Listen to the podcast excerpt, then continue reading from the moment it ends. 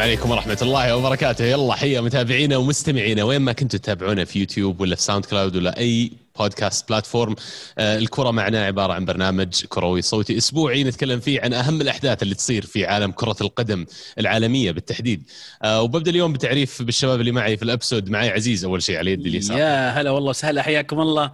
مستمعين ومشاهدين على جميع زي ما قلت يا عبد الله جميع البرامج الصوتية أو اليوتيوب. وحلقة اليوم إن شاء الله تكون لطيفة جميلة معنا. ضيف أيضا أتوقع راح نخليه برضه مفاجأة لكن ضيف مميز جدا. وكانوا الناس يطالبون بتواجد آه هذا الشخص تقريبا نوعا ما بطريقه غير مباشرة لكن نترك الموضوع لين بعد شوي. حيا حياكم الله والله منصة منصة وعلى طريق حياك الله أبو داحم بعد. حياك الله أبو عابد حيا الله. لا لا لا يا أبو إن شاء داحم الله. حلقة تكون من البداية كذا على طول. دائما أنا كذا في البداية بدايه مراسلنا من مدريد. إيه. آه، بعدين مدريد أنت. موسكو. بكين ها. حياكم الله جميعا يا شباب. الله يبقيك. وأنا عبد الله بعد بكون معاكم اليوم مكملكم الثلاثة. آه، في حلقة بنبدأ فيها أول شيء نتكلم عن قرعة ال Champions League. آه، أنا مبسوط على ال whiteboard اللي وراي ما أدري لو تشوفونه لكن رسمت عليه القرعة. ما عندي القدرة الفنية إني أرسم شعارات الانديه لكن إن شاء الله بتعلم مع الوقت. ال- المباراة الأولى اللي بنتكلم عنها بايرن بيلعب ضد PSG في الطرف الأول من الربع النهائي. آه، الفايز من هالمباراة راح يقابل المتأهل من مان سيتي ودورتموند. جهة نارية يا شباب لأن بنتكلم عن الجهه الثانية بعد شوي. بايرن PSG تحسون ممكن يصير مفاجأة؟ لأن أعتقد أغلب الناس مرشحين بايرن. يعني والله فاجأتني انك قلت ممكن يكون مفاجأة صراحة لأن أعتقد إنها مرة صعبة. الطرفين النهائي السنة الماضية مباراة آه، كبيرة. آه، الظروف اللي راح تكون فيها المباراة بعد تقريبا أسبوعين من من الآن آه، قد تتغير أشياء كثير. آه، الفريقين يمكن ما هو قاعد يقدمون أفضل مستوياتهم لا PSG في ال- في الدوري الفرنسي ولا حتى بايرن ميونخ رغم إنه آه، كالعادة يعني في صدارة الد- الدوري لكن ما هو بالمستويات اللي تعودنا من بايرن ميونخ.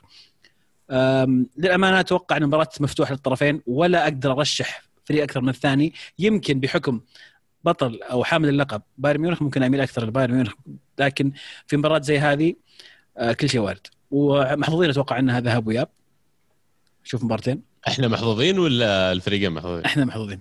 okay. بداحم طيب إيش رأيك؟ آه، والله أنا أحس إنها يمكن على قولتهم نهائي آه، مبكر. يعني كان ودي إن المباراة هذه تكون في أدوار شوي متقدمة خصوصا إن الفريقين يعتبرون من الفرق ال- ال- ال- المرشحة خصوصا هذه النسخة. آه، مباراة صعبة كل الفريقين مروا فترات شوي يعني آه، انخفاض في المستوى خلال هذا الموسم. PSG تو يرجع للصدارة بعد فترة طويلة.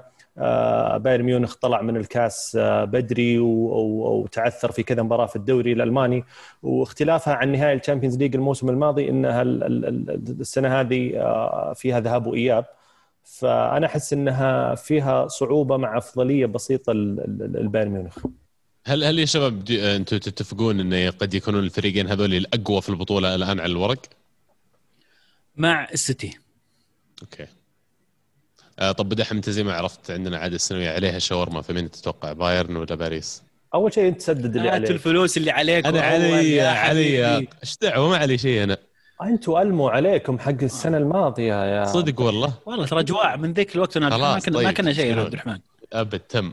أنا قلت لك أنا ذيك اليوم يوم خسرت ال- ال- الجولة الأولى كل واحد طلب لي 13000 شاورما وذا طلب لي عربي دبل يعني ف استغليت الوضع شوي. الحين أنا ودي أستغل. لا إحنا إحنا كنا ناويين بالعكس بنسدد لكن ذكرت الحين جت الجائحة وجاحت علينا ووقفت كل شيء.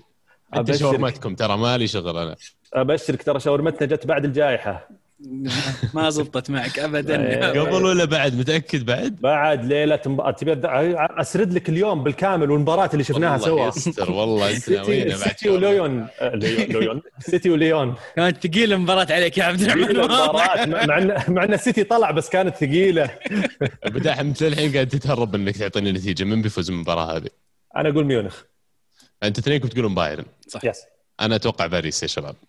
خالف تعرف بس يعني. يعني يمكن شوي بس يعني أنتم كلكم تعرفوني قديش أحب مبابي وأنا أعتقد أن باريس هو الفريق المناسب اللي ممكن يحدث مفاجأة ضد آه، بايرن. أنا أسميها مفاجأة لأن يعني مهما كان بايرن أقوى فريق في أوروبا حامل اللقب فيعني فريق قوي جدا. باريس بعد في وجود فيراتي ووجود بعض اللاعبين عندهم ترى جاهزين جاهزين إنهم يتفجرون. وسالفة إنهم وصلوا النهائي وما جابوا الكاس أعتقد راح تلعب دورها اليوم. المباراة الثانية سيتي ودورتموند. دورتموند اللي فيه يعني يكاد يكون أكثر عنصر مطلوب في عالم كرة القدم متمثل بهالاند. آه، ضد سيتي اللي يأمل أنه يكون أول فريق في التاريخ يحقق السباعية غير مسبوقة. سباعية لأن في أربع بطولات في إنجلند ف في في تاريخ على الخط يا شباب. أنا أحس إن الناس تعتقد إنها مباراة آه، سهلة بس أنا ودي كذا أرمي فكرة وأخذ رأيكم فيها. هل إن دورتموند يعني جاء قدام السيتي يعتبر هذا يعني شيء إيجابي بالنسبة للسيتي إنه يقابل خلينا نقول ثاني أو يمكن ثالث ثاني أضعف فريق من من ضمن الثمانية ولا شيء آه، سلبي؟ ليش؟ لأن اللي اللي وضح لنا خلال السنوات الأخيرة إن بيب يعاني قدام الفرق آه، هذه أو الفرق المتوسطة ما يدري وش ممكن تقابله فيه فيبدأ مرحلة التفكير الزايد ال overthinking فيسوي شيء غلط في المباراة تضطر إنه يخسر المباراة. صار صار صار هذا السيناريو مع موناكو صار هذا السيناريو مع ليون. ويعني بدرجة أقل آه، مع مع توتنهام. يعقد التكتيك أكثر من اللازم ويكون هو عنده already فريقه أقوى من الفريق اللي ضده فلا تعقد الموضوع تحاول تلعب ضد خطتهم. لكن يعني لما أنا أجي أحط من نفسي مكان جارديولا وأشوف الست أسماء الثانية في القرعة وأجي أقول لو ما جاني دورتموند مين أبغى يجيني؟ أعتقد ما في أفضل ويمكن بعض الناس بيزعلون عليه بس ما في أفضل من دورتموند يطلع للسيتي غير مدريد وليفربول وبورتو. يعني ما أعتقد إنه يبغى يقابل لا بايرن ولا PSG ولا تشيلسي في الحالة هذه. آه، الفرق الباقية ممكن لكن دورتموند يكاد يكون هو التحدي المتوسط. بس يجي موضوع الآن هالاند لما يلعب الليلة اللي قبلها مبابي ولا يلعب في نفس الليلة ويسجل له هاتريك ولا يسجل له جولين إيش بيسوي هالاند لما يجي يلعب ضد فريق سيتي يعتمد على الضغط عالي ويعتمد على مساحات موجودة ورا خط الدفاع؟ يعني ممكن ترى تصير مباراة غريبة اللي نظام ثلاث هجمات دورتموند ثلاث أهداف. أتفق معك ما راح تكون مباراة سهلة على على سيتي ابدا. بس آه، نوعا ما من أفضل الفرق اللي ممكن تطلع السيتي في القرعة. آه، الشيء اللي ما أتوقع كان من من صالح آه، مان سيتي إنه جاء في نفس الجهة اللي فيها بايرن و PSG. راح نتكلم عن الجهة الثانية الأخرى بعد شوي لكن أعتقد لو السيتي طاح في الجهة الأخرى بعيد عن بايرن وبعيد عن PSG كان يعني أسهل الوصول للنهائي ويمكن هو هي الخطوة الوحيدة اللي كانت باقية للسيتي إنه يوصل للنهائي عشان يحقق هذه البطولة. الآن الطريق امامهم قد يكون أمامهم بايرن ميونخ في نصف النهائي وهي خطوة صعبة جدا وتحدي حقيقي للسيتي. هل يفضل السيتي لو لعب ضد فريق زي بايرن ولا PSG في حال تأهله إنه يلعب معهم 180 دقيقة ولا 90 دقيقة؟ والله سؤال سؤال صعب. يمكن ما يقدر لأن هذا اللي يجاوب إلا جوارديولا يكونوا في نفس الجهة ولا لا عرفت؟ اي اي يمكن ما أدري صراحة بس من تجربه من من خلينا نقول من تاريخ سيتي في ال Champions League ما عمرهم وصلوا النهائي. فقد تكون المشكلة فعلا في مباريات الذهاب والإياب هي الصعبة عليهم. آه، يمكن لو وصلوا النهائي قدام بايرن ميونخ ممكن تكون أسهل لهم لكن هذا شيء ما هو بخيار الموسم هذا على الأقل. آه، ننتظر ونشوف بس أرجع وأقول دورتموند ما هو سهل وهالاند أتوقع إنه راح يعني ينجم في ظل آه، طريقة يلعب فيها جوارديولا أو طريقه يلعب فيها السيتي بحيث إنهم يحبون دائما الكرة تكون معهم. دائما بالضغط العالي فراح يتركون مساحات كبيرة وهذه هذه هذه المباريات اللي فعلا آه، ينجم فيها ويبدع فيها. ولا تنسون إن دورتموند على الرغم من إنه تأهل ضد إشبيليا اللي يعتبر يعني الاسم ما هو برنان زي غيره لكن ترى إشبيليا فريق صعب فريق مرتب. مو هو بالسهولة هذه إنك تروح تفوز على إشبيليا في إسبانيا وترجع تتعادل في ألمانيا. يوريك انه فعلا اللقاء ضد إشبيليا كان أصعب من اللي اللي يبين. فأنا أعتقد دورتموند قد يكون أحد الأحصنة السوداء لأن إلى الآن هالاند قاعد يتطور ترى وإلى الآن اللاعبين اللي حوله قاعدين يكلشون لسه الفريق جديد. فأنا أعتقد إن دورتموند في النص الثاني من الموسم يعني أكاد أجزم إنه راح يكون أخطر في ال Champions League من دورتموند في النص الأول من الموسم. ترشحهم لتخطي سيتي؟ ما ودي أشطح صراحة يعني سيتي هم الخيار الواضح وأنا أفضل الصراحه إني أشوف واحد زي هالاند يتأهل بالنسبة للدور الثاني بالذات إذا كان راح ينجم راح يسجل. لكن ويعني كذا بالغصب برشح دورتموند الصراحه رشحت PSG وبرشح دورتموند هالمرة بعد. حلو. عزيز طيب السيتي أنت صح؟ أنا مع السيتي بس أسألكم مين بيوصل النهائي من الطرف هذا؟ باريس. أنا السيتي أنا من بداية البطولة مرشح السيتي إنه يكون هو البطل. البطل؟ إي. آه، ما زلت ترى أن بايرن ميونخ هو اللي راح يوصل النهائي صراحة. فأنا وياك عزيز نتفق إن اللي في من مباراه باي- بايرن و PSG هو اللي بيوصل النهائي. طيب. لا إذا PSG تخطى بايرن ميونخ راح يوصل آه، السيتي. okay. فما تحس إن PSG ما راح يقدر يجلد السيتي لو تأهل السيتي. إيه. طيب إذا تأهل دورتموند وباريس؟ دورتموند خلاص. اي والله أنت حاقر باريس ها؟ لا لا امزح لا لا. دورتموند وباريس آه، آه، إذا باريس فعلا طلع بايرن ميونخ راح يطلع دورتموند. المباراة الثالثة كانت مدريد طلع مع ليفربول ما أدري أبارك لك يا أبو داحم ولا زعلان لأن ليفربول ولو كان في وضع يترنح كلنا نعرف إن ليفربول في مباريات خروج المغلوب في الشامبيونز ومو بس ليفربول معظم الفرق تلعب بفرق مختلفة تماما حتى لو كانت نفس العناصر آه، فوش مشاعرك أول شيء على القرعة هذه كمدريدي يوم طلع لك ليفربول؟ آه، شوف هو الشيء الإيجابي في في الصفة هذه إن كل الأربع فرق تقريبا يعني ما بقول مستواها متقارب ولكن ظروفها متقاربة. طبعا باستثناء آه، بورتو إلى حد ما وأفضلية فريق عن فريق تكاد تكون بسيطة. يعني آه، مدريد مع ليفربول ما أبغى أقول لك إن هي آه، يعني شيء كنت أبغاه ولكن أتفق معك عبد الله. يعني إنه ريال مدريد ليفربول طبعا قبل بورتو ودورتموند هم يمكن بالترتيب العكسي أضعف الفرق أو الفرق اللي ممكن اللي تتمنى إنك تقابلهم.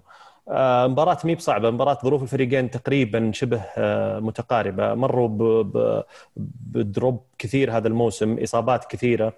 آه، الفرق الوحيد أن مدريد ما زال ينافس على الدوري بينما ليفربول بالمقابل فقد جزء كبير من المنافسة حتى على مركز مؤهل في ال Champions League. تظل المباراة بين فريقين كبيرين تاريخيا حتى على مستوى الشامبيونز ليج المعطيات مختلفة وشفنا مستوى ليفربول في مباراتين الذهاب والإياب قدام لايبزيج كان كان مستوى جيد فتوقع صعب. آه، أحس إني بروح شوي 60 40 مع مدريد. أبو داحم هل تحس ليفربول راح يكون فريق خطر على مدريد من ناحية الهجوم؟ يعني هل تشوف ال- ال- المشاكل اللي يعيشها ليفربول في ال Premier League راح تتكرر في ال Champions؟ آه، إلى حد ما نعم خصوصا على مستوى خط الدفاع لأن مدريد في الفترة الماضية تحسن هجوميا وصار عنده حلول وصار عنده خيارات حتى مع ارتفاع مستوى كروس ومودريتش اللي اللي صار عندهم إضافة حتى على مستوى الصناعة فأنت ما اعتمدت بس على بنزيما آه، ارتفاع مستوى كروس ومودريتش ساعد في في صناعة اللعب وإعطاء خيارات أكثر بالنسبة للفريق وهذا بيسبب صعوبة على ليفربول اللي يعاني دفاعيا عزيز تتفق مع ابو داحم ان ليفربول مو بقد مدريد؟ لا ما قلت أنا مو بقد مدريد. أنا هذا اللي سمعتك تقوله الصراحة. هذا اللي. فهمته من كلامك يعني. عزيز هذا اللي سمعته أنت؟ لو سمحت أنا أنا هذا هذا سمعته صراحة. قاعد يقول قاعد يقلبنا- لا. لا لا لا لا لا صدق صراحة سمعت إنك ترشح مدريد وهذا حق 60 مشروع 40 وتوقع وتوقع كم؟ 60 40 طيب ال 60 مو بقد ال 40 يا أخي ما انت قلتها يا أخي. يعني 20 فرق 10 فرق. 50% الفرق. لا وش 50 طيب، ترى أنا- 20 ترى- 20 على 40 اسلم اسلم مو بكلاس رياضيات. الزبده بس أشرح لكم عقب الحلقة على هال whiteboard اللي وراي. أنا راح المرة هذه أنا راح اختلف مع مع عبد الرحمن آه، وأرشح ليفربول بشرط إنهم فجأة كذا يصحصحون. وأشعر ان الصحصحه قريبة. أعتقد إن مدريد ما يعني السنة هذه ما هي بسنة مدريد وراح ينفضح أمام آه، ليفربول لو كان ليفربول في يومه. لو هذه كبيرة لو كبيرة جدا لأنه الأداء اللي قاعد اشوفه من ليفربول الفترة الحالية ما هو ما هو بذاك الأداء المميز. الانسجام مفقود تماما في ليفربول حاليا. ولكن أعتقد أن كلوب عنده القدرة انه يطلع حقيقتهم في Champions League وفي مباراة زي مباراة ريال مدريد مباراة كبيرة مسرح كبير والعالم تتفرج. أتوقع أنه راح يظهر ليفربول الحقيقي. وأتوقع أن ليفربول يتأهل هذه المباراة. والله ما عجبك. توقعاتكم قوية. ما عجبك. كلامي يا عبد الرحمن ما عجبك؟ لا اصبر بسألك عن وش قلت؟ يفضح مدريد؟ اي نعم. شلون يفضح؟ يفضح مدريد من أي ناحية؟ أنا أشعر أن مدريد حاليا ماشي على البركة. عزيز تكفى. والله قبل مباراة أتلانتا قلنا جاء الهجوم الأقوى على مستوى اي ما قصر الالماني له من ما قصر ما ينقذكم. يعني ماشي. مباراة الإياب حجمنا الإياب لأن الذهاب منتهي خلاص. كيف الإياب الرحمن؟ لا تقهرني معليش،. والله 1-0 حرام يعني. والله حرام عزيز، اتلانتا لا انظلم ذيك حرام. المباراه والله ما انظلم ابدا ما انظلم مباراة الإياب زيدان مم. علم جاسبريني كيف تلعب كورة زي العالم والناس ولا تطلع تقعد تصرح تقعد تصيح بعد المباراه العب في الملعب 1-0 مهزوم. طبيعي لما أنهزم في ارضي أنهزم في أرضي 1-0 أيوة. وأنا كانت الخطة كلها مبنية على اني افوز في أرضي وأجي أقفل في أرضك غير إن لما أنهزم في أرضي وأجي أرضك أبغى أفوز. طبيعي إن خطتي تتغير. من, من متى أتلانتا يقفل؟ خلي يقفل على الأقل أسلوب لعب. لو أضغط كان بترجع غصب ترجع أنت. في اسلوب في فرق لما أجي مباراة الإياب وأنا فايز غير إني أجي مباراة الإياب وأنا خسران. أنت عارف يعني محتاج. عزيز أنا بالنسبة لي مباراة آه، أتلانتا الذهاب والإياب أثبتت أن مدريد في هذه البطولة غير وما أقول انه بيصير بطل ولكنه يعني عموما ليفربول ما هو بأتلانتا بس يعني خليك في الصورة يعني. معليش آه، إذا بتتكلم عن إذا بنقارن فريقين على مركز ولا على مستوى الموسم ترى ليفربول في الدوري يعتبر سيء. أنا معك بس ليفربول أفضل من أتلانتا. ما يظل أكيد. أفضل من أكيد أكيد تاريخيا اسم فريق عراقة معك لا لا لا لا, لا لا لا لا حتى حتى أداء. في الملعب؟ نعم. عناصر قصدي عزيز يعني إنه okay حتى لو صلاح وماني وذول جايبين العيد ترى يبقى صلاح وماني يشغل ال magic حقه في لحظة عرفت ويجلد. يعني مو على كل حال إن أتلانتا عنده نفس المقومات. عموما أنا قلت لك أنا في حالة واحدة فقط إن ليفربول فعلا الفريق اللي يجي ذاك اليوم هو ليفربول اللي نعرفه. لأن شفناهم في ال Champions League مختلفين عن في الدوري. عاد في النقطة هذه تحديدا أنا أوافق بو داحم. أنا أعتقد أن وسط مدريد هو اللي بيحكم اليوم لأن يعني ليفربول في ظل الغيابات اللي عندهم وتلعيب لاعبين الوسط في الدفاع وغياب لاعبين مرة مهمين عندهم ووجود الكروس ومودريتش تحديدا في خط الوسط لمدريد أنا أعتقد هذا بيعطيهم الأفضلية. أنا بالنسبة لي أرشح مدريد to go through يعني عندنا اثنين مدريد واحد ليفربول. آه، المباراة الأخيرة بورتو ضد تشيلسي. في شيء يؤسفني يعني إنه يبدو لي بعد ما الآن اطلعت على القرعة يبدو لي إن تشيلسي راح يكون أحد أطراف النهائي بالنسبة لي شخصيا. وإذا صدق ترشيحي ل PSG من الجهة الثانية راح يكون فريق توخل القديم ضد فريق توخل الجديد. وممكن تكون هذه النهاية اللي يتمناها يويفا عشان يسوي الدراما. آه، لكن في أحد ما يرشح تشيلسي في اللقاء هذا؟ عزيز أنتم منجلدين من بورتو كيوفي فيعني هل أول شيء ما انجلدنا أول شيء ما انجلدنا خسرنا. طيب في فرق بين الجلد والخسارة هذا اولا. يعني ثانيا لا رونالدو ما تنجلد تعتبر. ثانيا بورتو فريق يعني عادي جدا يعطيهم العافية. فما أتوقع إنه بيسببون مشاكل كثيرة لتشيلسي. أه ولا أعتقد إنهم إذا تأهل تشيلسي راح يتخطى الفايز من مدريد وليفربول. أنا في رأيي الفايز من مدريد وليفربول راح يوصل النهائي. ليه ليه انت مو مقتنع ان تشيلسي راح يكون عنده كفاية انه مثلا يتأهل ضد مدريد وليفربول؟ يعني ما استبعدهم تماما ترشيحي فقط أكثر لمدريد وليفربول لكن لسه إلى الآن أشعر إن في ثغرات في في خطة توخل ما بعد تتغطى أعتقد ما زال يحتاج وقت وأعتقد إنه إذا لعب قدام آه، فريق زي زي ليفربول أو زي آه، مدريد راح يواجه صعوبات كثيرة في في إغلاق خلينا نقول الخط الدفاعي. لذلك رشح الجهة الثانية لكن بس من عزيز حقتها مرة عالية ترى. ليش تحس انه بي... أسلوب لعب تشيلسي قاعد يخدمه في الدوري الإنجليزي. ما أعتقد إنه هذا الشيء راح ينطبق في ال Champions League. ال clean sheets أعتقد ما هي بسبة صلابة آه، العناصر الدفاعية. أكثر من كون إن تشيلسي يحب يستحوذ على الكره أكثر. دائما الكره مع يمسكون الكره وطريقة صفتهم إذا انقطعت منهم الكره آه، تخدم الفريق كثير. ما راح ت...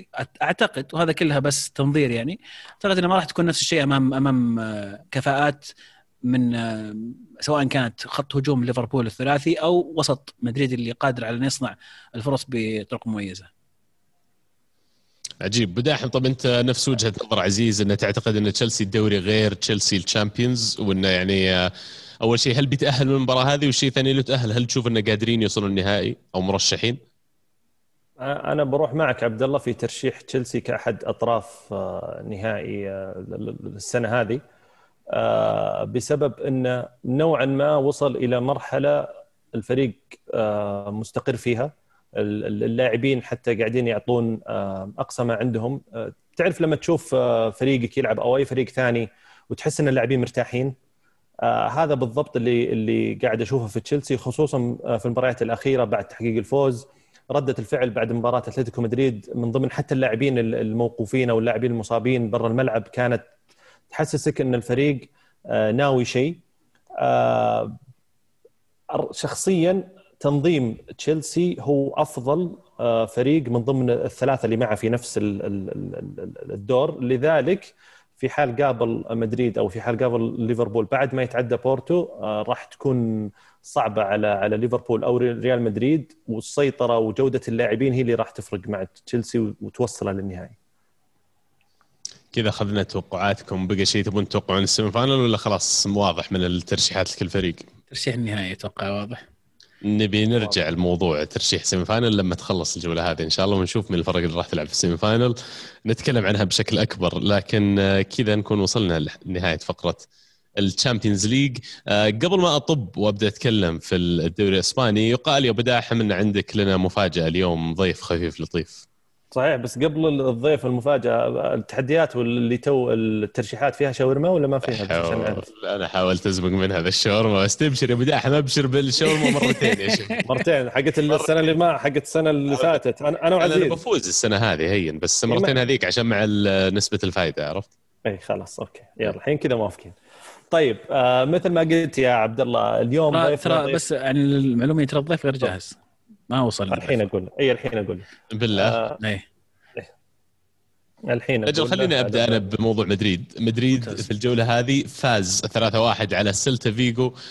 مدريد اللي يعني أكاد أجزم بأن إلى الآن ما يدرون وش ال ال ال الأولوية بالنسبة لهم هي الدوري ولا ال Champions. الوضع العب باللي عندك شوف وين بتوصل. الأندية الإسبانية السنة هذه يبدو لي هدفها مشتت كثير. فمدري يمكن بداحم أنت لأنك مدريدي تقدر تقول لي وش هدف مدريد؟ هل هو ال Champions أو الدوري؟ الهدف الأول؟ وأكيد إنك تنافس على الاثنين بس وش الأولوية؟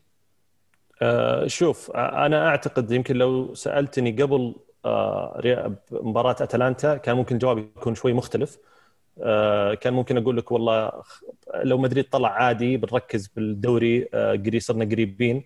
بعد مباراة أتلانتا شوي حتى جمهور مدريد صار عنده تفاؤل، الإعلام الأسباني المنتمي لمدريد آه، شوي بدأ يتكلم عن وصول للنهائي وحصول الفريق على البطولة. آه، أعتقد إنه يعني موضوع صعب صعب جدا. ولو صار فهو يعني شيء اقرب ما يكون للخيال بالنسبة للفريق هذا الموسم. مو الخيال بمعنى خيال ولكن أنت تتكلم عن عن أفضل نسخة لبايرن ميونخ آه يمكن أفضل نسخة لبيب سيتي آه PSG فيعني أنت تتكلم عن ثلاث أربع فرق مرشحة أساسا قبلك. لكن أنا بالنسبة لي ودي إن الفريق يقاتل على جميع الجبهات لأن الخروج بدون بطولة هذا الموسم بيكون صعب.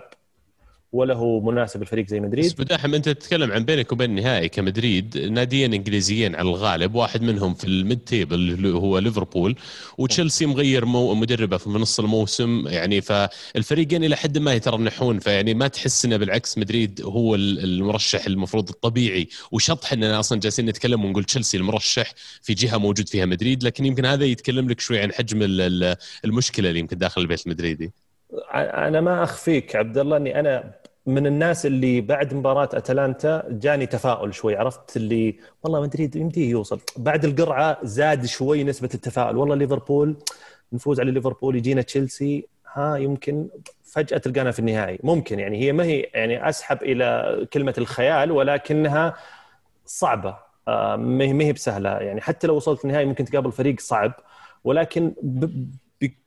أكيد إنه الوضع اللي في البيت المدريدي ما هو مستقر. الإصابات آه، يعني تجديد راموس من عدم تجديد راموس تجديد مدرج من عدم تجديد مدرج إصابات هازارد المتكررة اللي كان ممكن إحنا نكون نعتمد عليه في هذه الفترة خصوصا من الموسم. تقليص الفارق برضو مع أتلتيكو مدريد. أنت تتخيل إن أنت وصلت إلى مرحلة الفارق وصل إلى ثمان تسع نقاط فشبه فقدت الأمل. وممكن تقول والله أنا بصير تركيزي على الشامبيونز أكبر.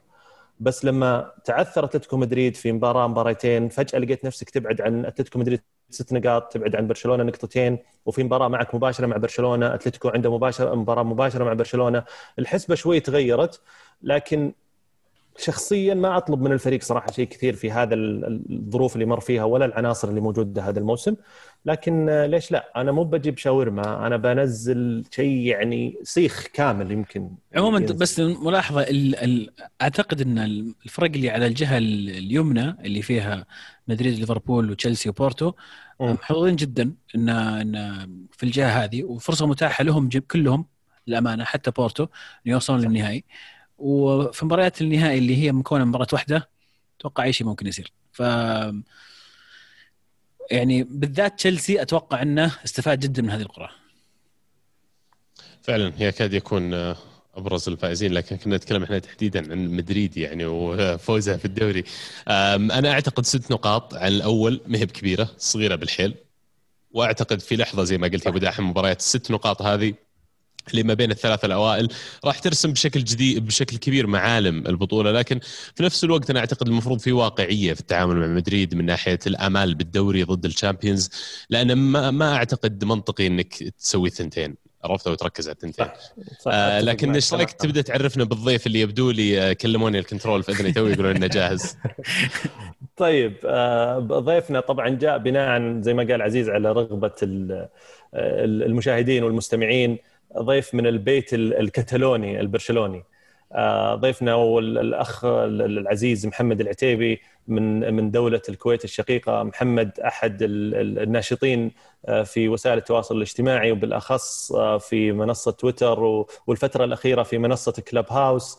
أعرف محمد ما شاء الله من 2014 يمكن 2015 من البرشلونيين الممتعين بالنسبة لي حتى على مستوى التغريدات الكلام اللي يكتبه بعد أي فوز لبرشلونه تحسه يعني يعني تحسه كأنه شعر تحسه كأنه قصيدة. مع إني أنا أنا بقاطعك أنا بقاطعك بس كافي كافي المدح الله يمسيكم بالخير يعني يسعد مساكم يا غالين الله بالنور والسرور والساعة مباركه والله. صراحة غيرت كلام بعبد الرحمن عنكس الله يبارك في عمرك يا بعد راسي وبالعكس شرف لي وإضافة لي والله يسعدكم. وامسيه سعيده والله الساعة مباركة يا محمد أنت دخلت علينا في الوقت المناسب ما دام أشوفك لابس قميص برشلونة. أول شيء مبروك الفوز 6-1 على ريال سوسيداد. الله يبارك فيك. أنا بس ما أقطع والدك إلا بالخير. أنا ترى احترت ألبس تيشيرت برشلونة ولا أرسنال؟ بغيت ألبس ارسنال عشانك والله. على رأسي والله من فوق بالعكس والنصر والنصر بعد يقول لك. النصر النصر القلب. آه أنت أنت قاعد تتكلم عن برشلونة وأرسنال والنصر. يعني تختار وش تختار؟ عبد الرحمن نمشي. قلبي من اوسع ابوابه يا محمد. بنمشي أنا وياك عزيز. لا والله الساعة مباركة. أبو داحم ما قصر يعني أعطانا مقدمة بسيطة عنك. نتابعك إحنا على تويتر وأشوف بعض الكتابات اللي تحطها يعني للأمانة يعني من زمان اللي يسمعونا يطالبون بحضور واحد برشلوني يعني يعتبر خلينا نقول يمثل وجهة نظر جمهور برشلونة.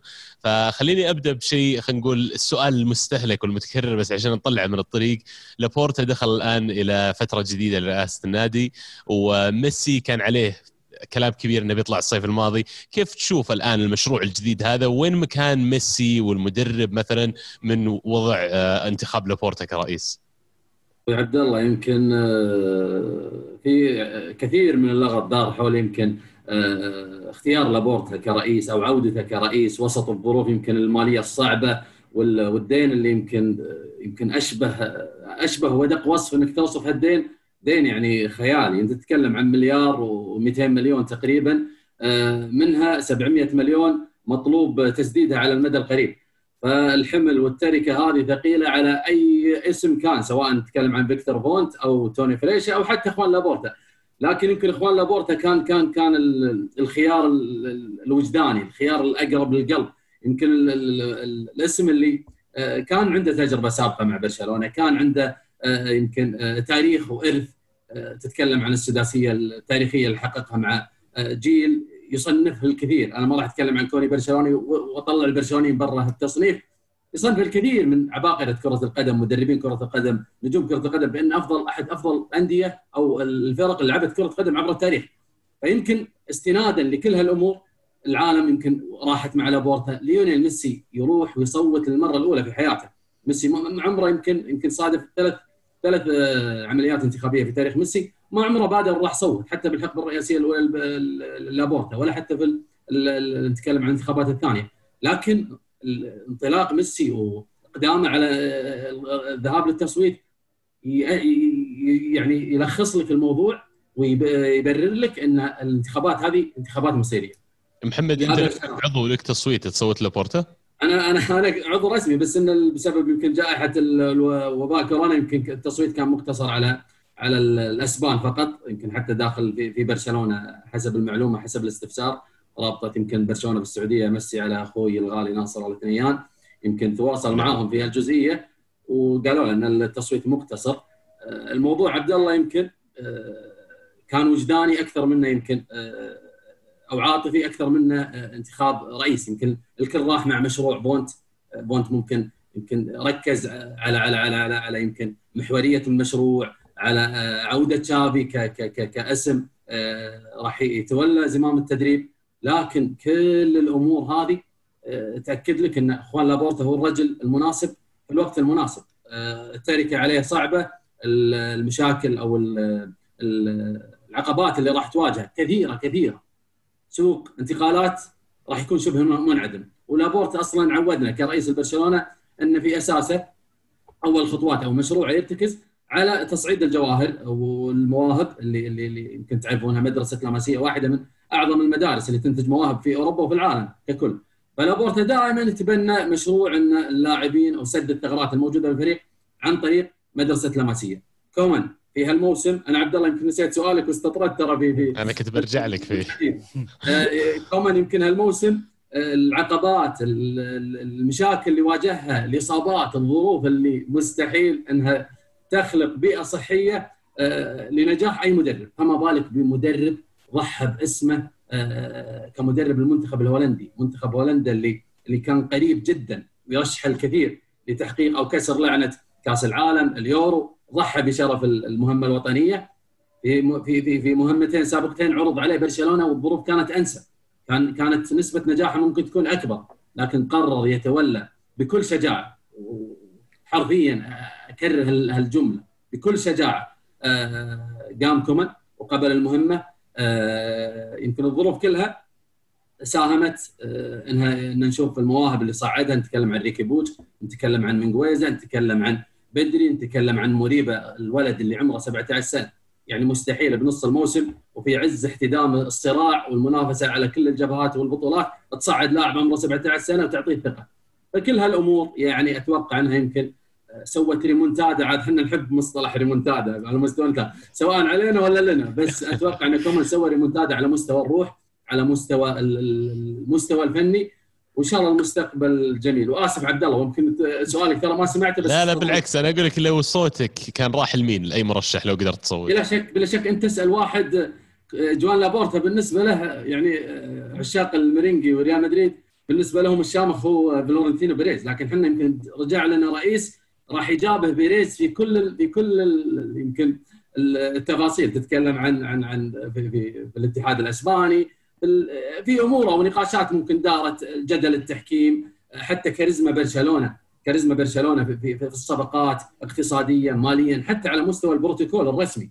برشلونه فقد هيبته على الهيكله الإدارية بسبب أسوأ رئيس في تاريخ برشلونه تكلم عن جوزيب ماريا بارتوميو فعودة جوان لابورتا كانت يعني بعيدا عنده مشروع مو عنده مشروع أنا كنت صراحة مصوت له يعني ما هو محتاج إنه يقنعني بمشروع لابورتا لكن أتوقع إنه يمكن البوادر اللي شفناها خلال الأيام الماضية تأكد لك إن لابورتا هو الخيار الأنسب وهو السبب اللي راح يمكن آه، يتسبب في استمرار ميسي مع برشلونة. خليني أسألك طب محمد على تغيير ال system. من تالي قاعدين نشوف برشلونة وكأنه كومان رسى له على system جديد بوجود ثلاث مدافعين. ويعني إذا بذكر كم اللاعب يعني اللي استفادوا كثير من تغيير ال system هذا تحديدا قد يكون ديست ألبا ويمكن إلى حد ما حتى بوسكيتس اللي الفترة الماضية قاعد كاننا نشهد إعادة ولادة بوسكيتس مباريات ينزلها زي المباراة هذه الماضية باعتقادي بوسكيتس يمكن كان أفضل لاعب على الملعب لو ما حسبنا حساب الأهداف مثلا فهل أنت من يعني جمهور برشلونة أو مشجعين برشلونة اللي مؤمن كثير بال DNA والأسس حقت برشلونة إنك ما تحب لما تشوف فريقك يلعب بتكتيك مختلف شوي ولا تقبل موضوع إنه في بعض الأحيان الواحد لازم يصير عملي ويستخدم ال system اللي يفوز فيه؟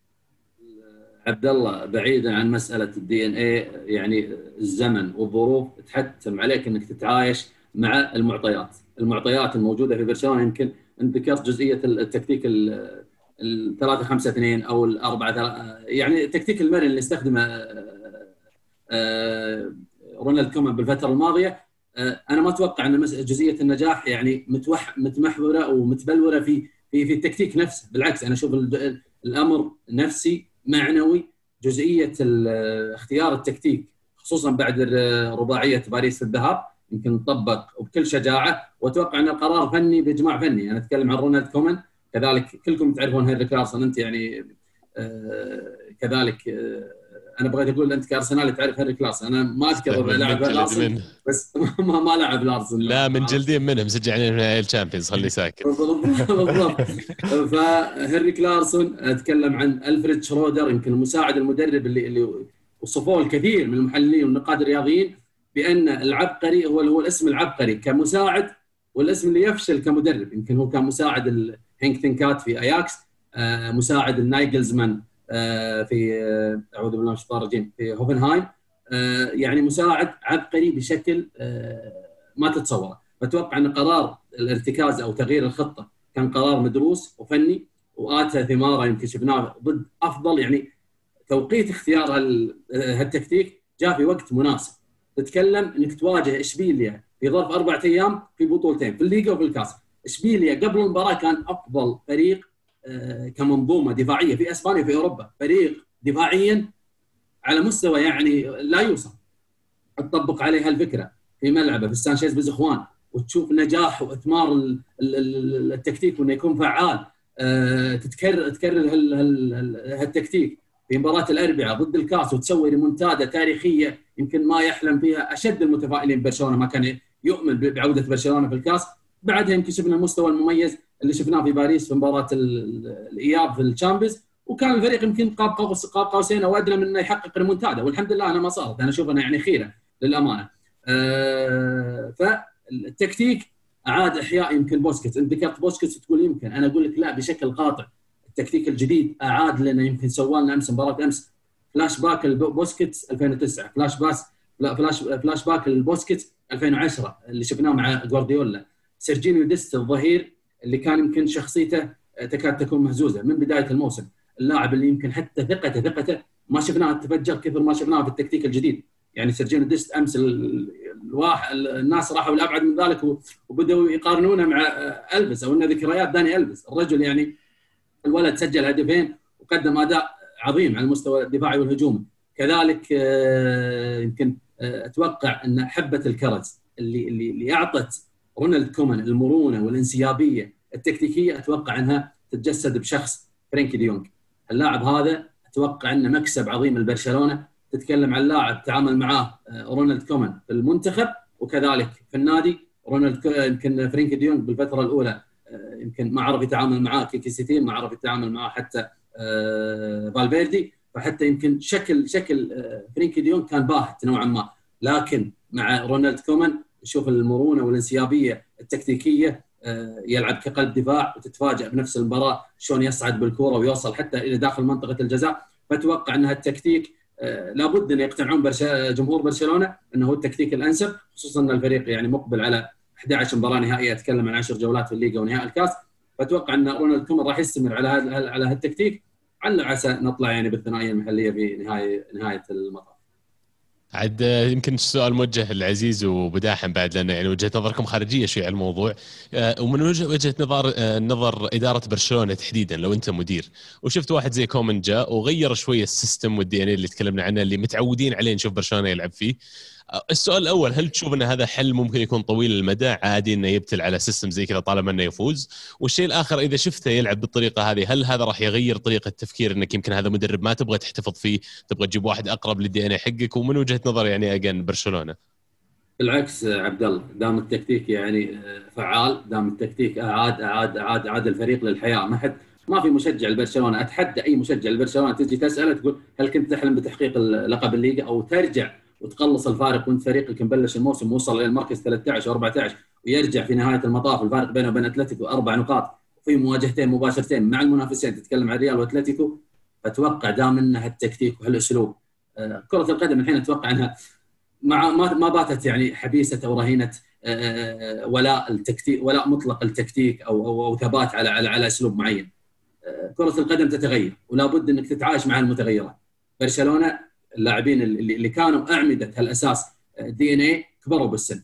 بوسكيتس شفناه يمكن إلى إلى إلى فترة قريبه نتكلم عن شهر واحد واثنين يعني اكتب اسم بوسكيتس في ال search في تويتر وراح راح تلقى يمكن الجواب الشافي والجواب الابلغ كمية السب والانتقادات لبوسكيتس حتى لدرجة إنه هدم كل ذكرى جميلة له كلاعب آه، لبرشلونة. لذلك ما دام إن التكتيك أنا أقول لك يؤتي ثمارة ويعني قاطف المطلوب منه آه، أتوقع آه، لابد من انصاف كومن. تتكلم عن 37 عبد الله ولا يهونون الشباب 37 نقطة من 39 نقطة حققها برشلونة. تتكلم عن سلسلة كلكم تدرون إن أطول سلسلة متواصلة بلا خسارة في الدوريات الخمس الكبرى يمكن كانت مسجلة باسم جوارديولا إلى أن خسر في ديربي مانشستر. برشلونة حاليا واصل إلى المباراة رقم 18 في الدوري بدون خسارة. شخصية الفريق اللي كنا يمكن من أيام انريكي من أيام كيكي من أيام المدربين اللي تتالوا على برشلونة. برشلونة شخصيته خارج الكامبنو سيئة وكارثية. الفريق يلعب بشخصية وشكل وصورة بالكامبنو من يطلع برا الملعب؟ أبد. أنت تتكلم عن خيتافي ولا تتكلم عن عن عن بيرلي ولا تتكلم؟ شخصية برشلونة سيئة خارج الملعب.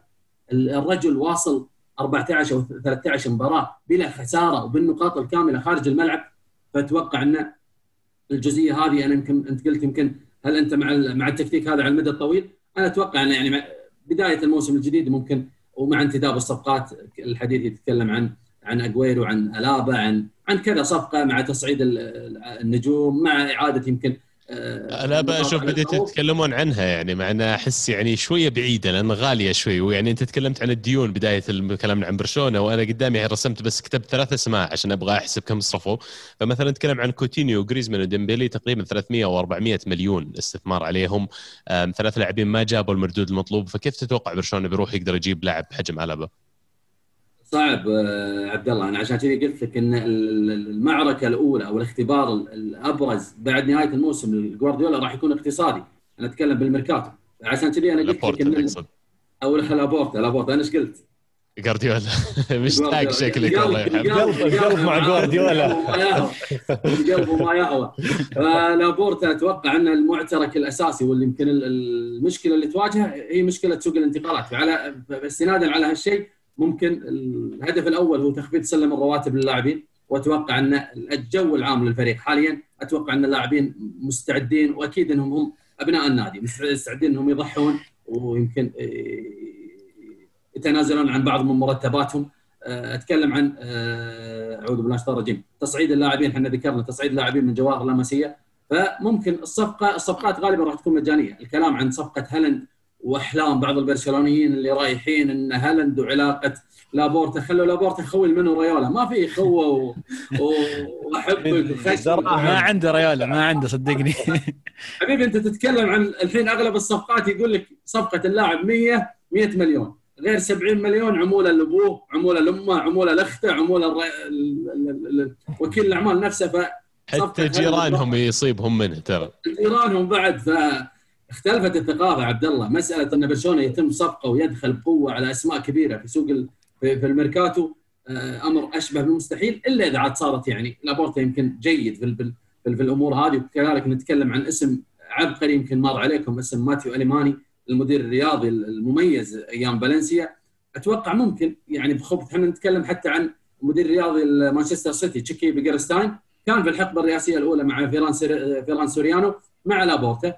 فإذا توفرت التركيبة المناسبة في الإدارة الرياضية فهي كفيلة بأنها ممكن تكون يعني مقنعة في سوق الانتقالات تقنع اللاعب لكن أتوقع ان لابد من العمليات التبادلية. وبرشلونة يمكن كومان حتى بالفترة القادمة أتوقع حتى عملية تسويق اللاعبين قاعد نشوفها. يمكن حتى أسهم عثمان ديمبلي بدأت ترتفع نوعا ما اللاعب يمكن التكتيك هذا اذا اذا إذا في شيء مميز في التكتيك إنه اعاد الحياة وكان مثابة قبلة الحياة العديد من اللاعبين داخل المنظومة نفسها نتكلم عن جريزمان نتكلم عن ديمبلي وحتى كوتينيو لو كان موجود أتوقع إنه ممكن كومان قادر على إنه يمكن يعيد للضوء نوعا ما ويا خبر اليوم بفلوس بكرة ببلاش عبد الله يمكن الحديث بدري عن عن سوق الانتقالات لكن ممكن كل شيء وارد لكن برشلونة راح يعاني يعاني جدا في هالجزئية. خليني خليني أسألك محمد تسمح لي يعني دائما تطرقت لموضوع سلم الرواتب أتوقع لازم نتكلم عن عن أكثر راتب في برشلونة. نتكلم عن ليونيل ميسي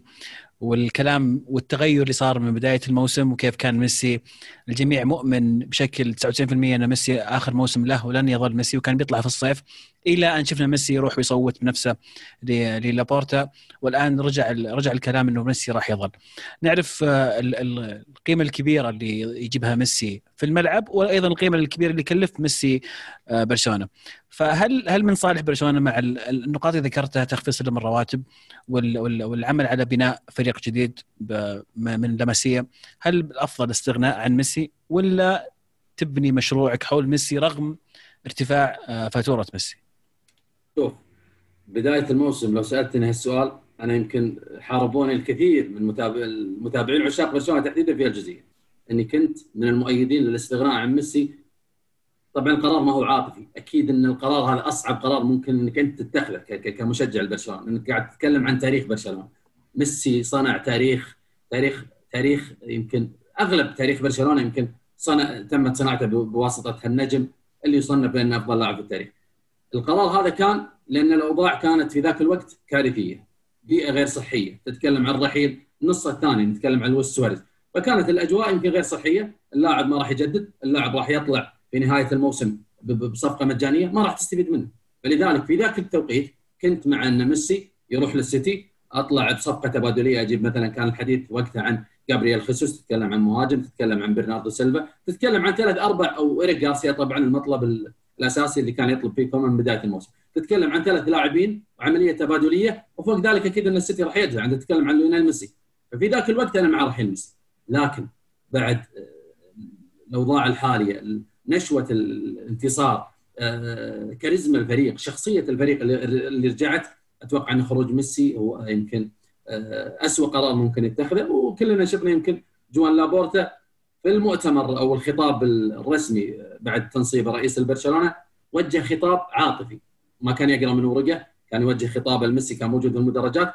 قال له ميسي نحن نحبك وبرشلونة تحبك وأنا متأكد أن قادرون على إقناعك. يعني حتى بروتوكولا كرئيس أنت لما توجه خطاب مباشر وتختبر أو تمتحن لاعبك أتوقع انها ممكن البعض ممكن يشوف أنها خطوة غير ذكية من لابورتا. لكن أنا أشوف أنها خطوة مدروسة.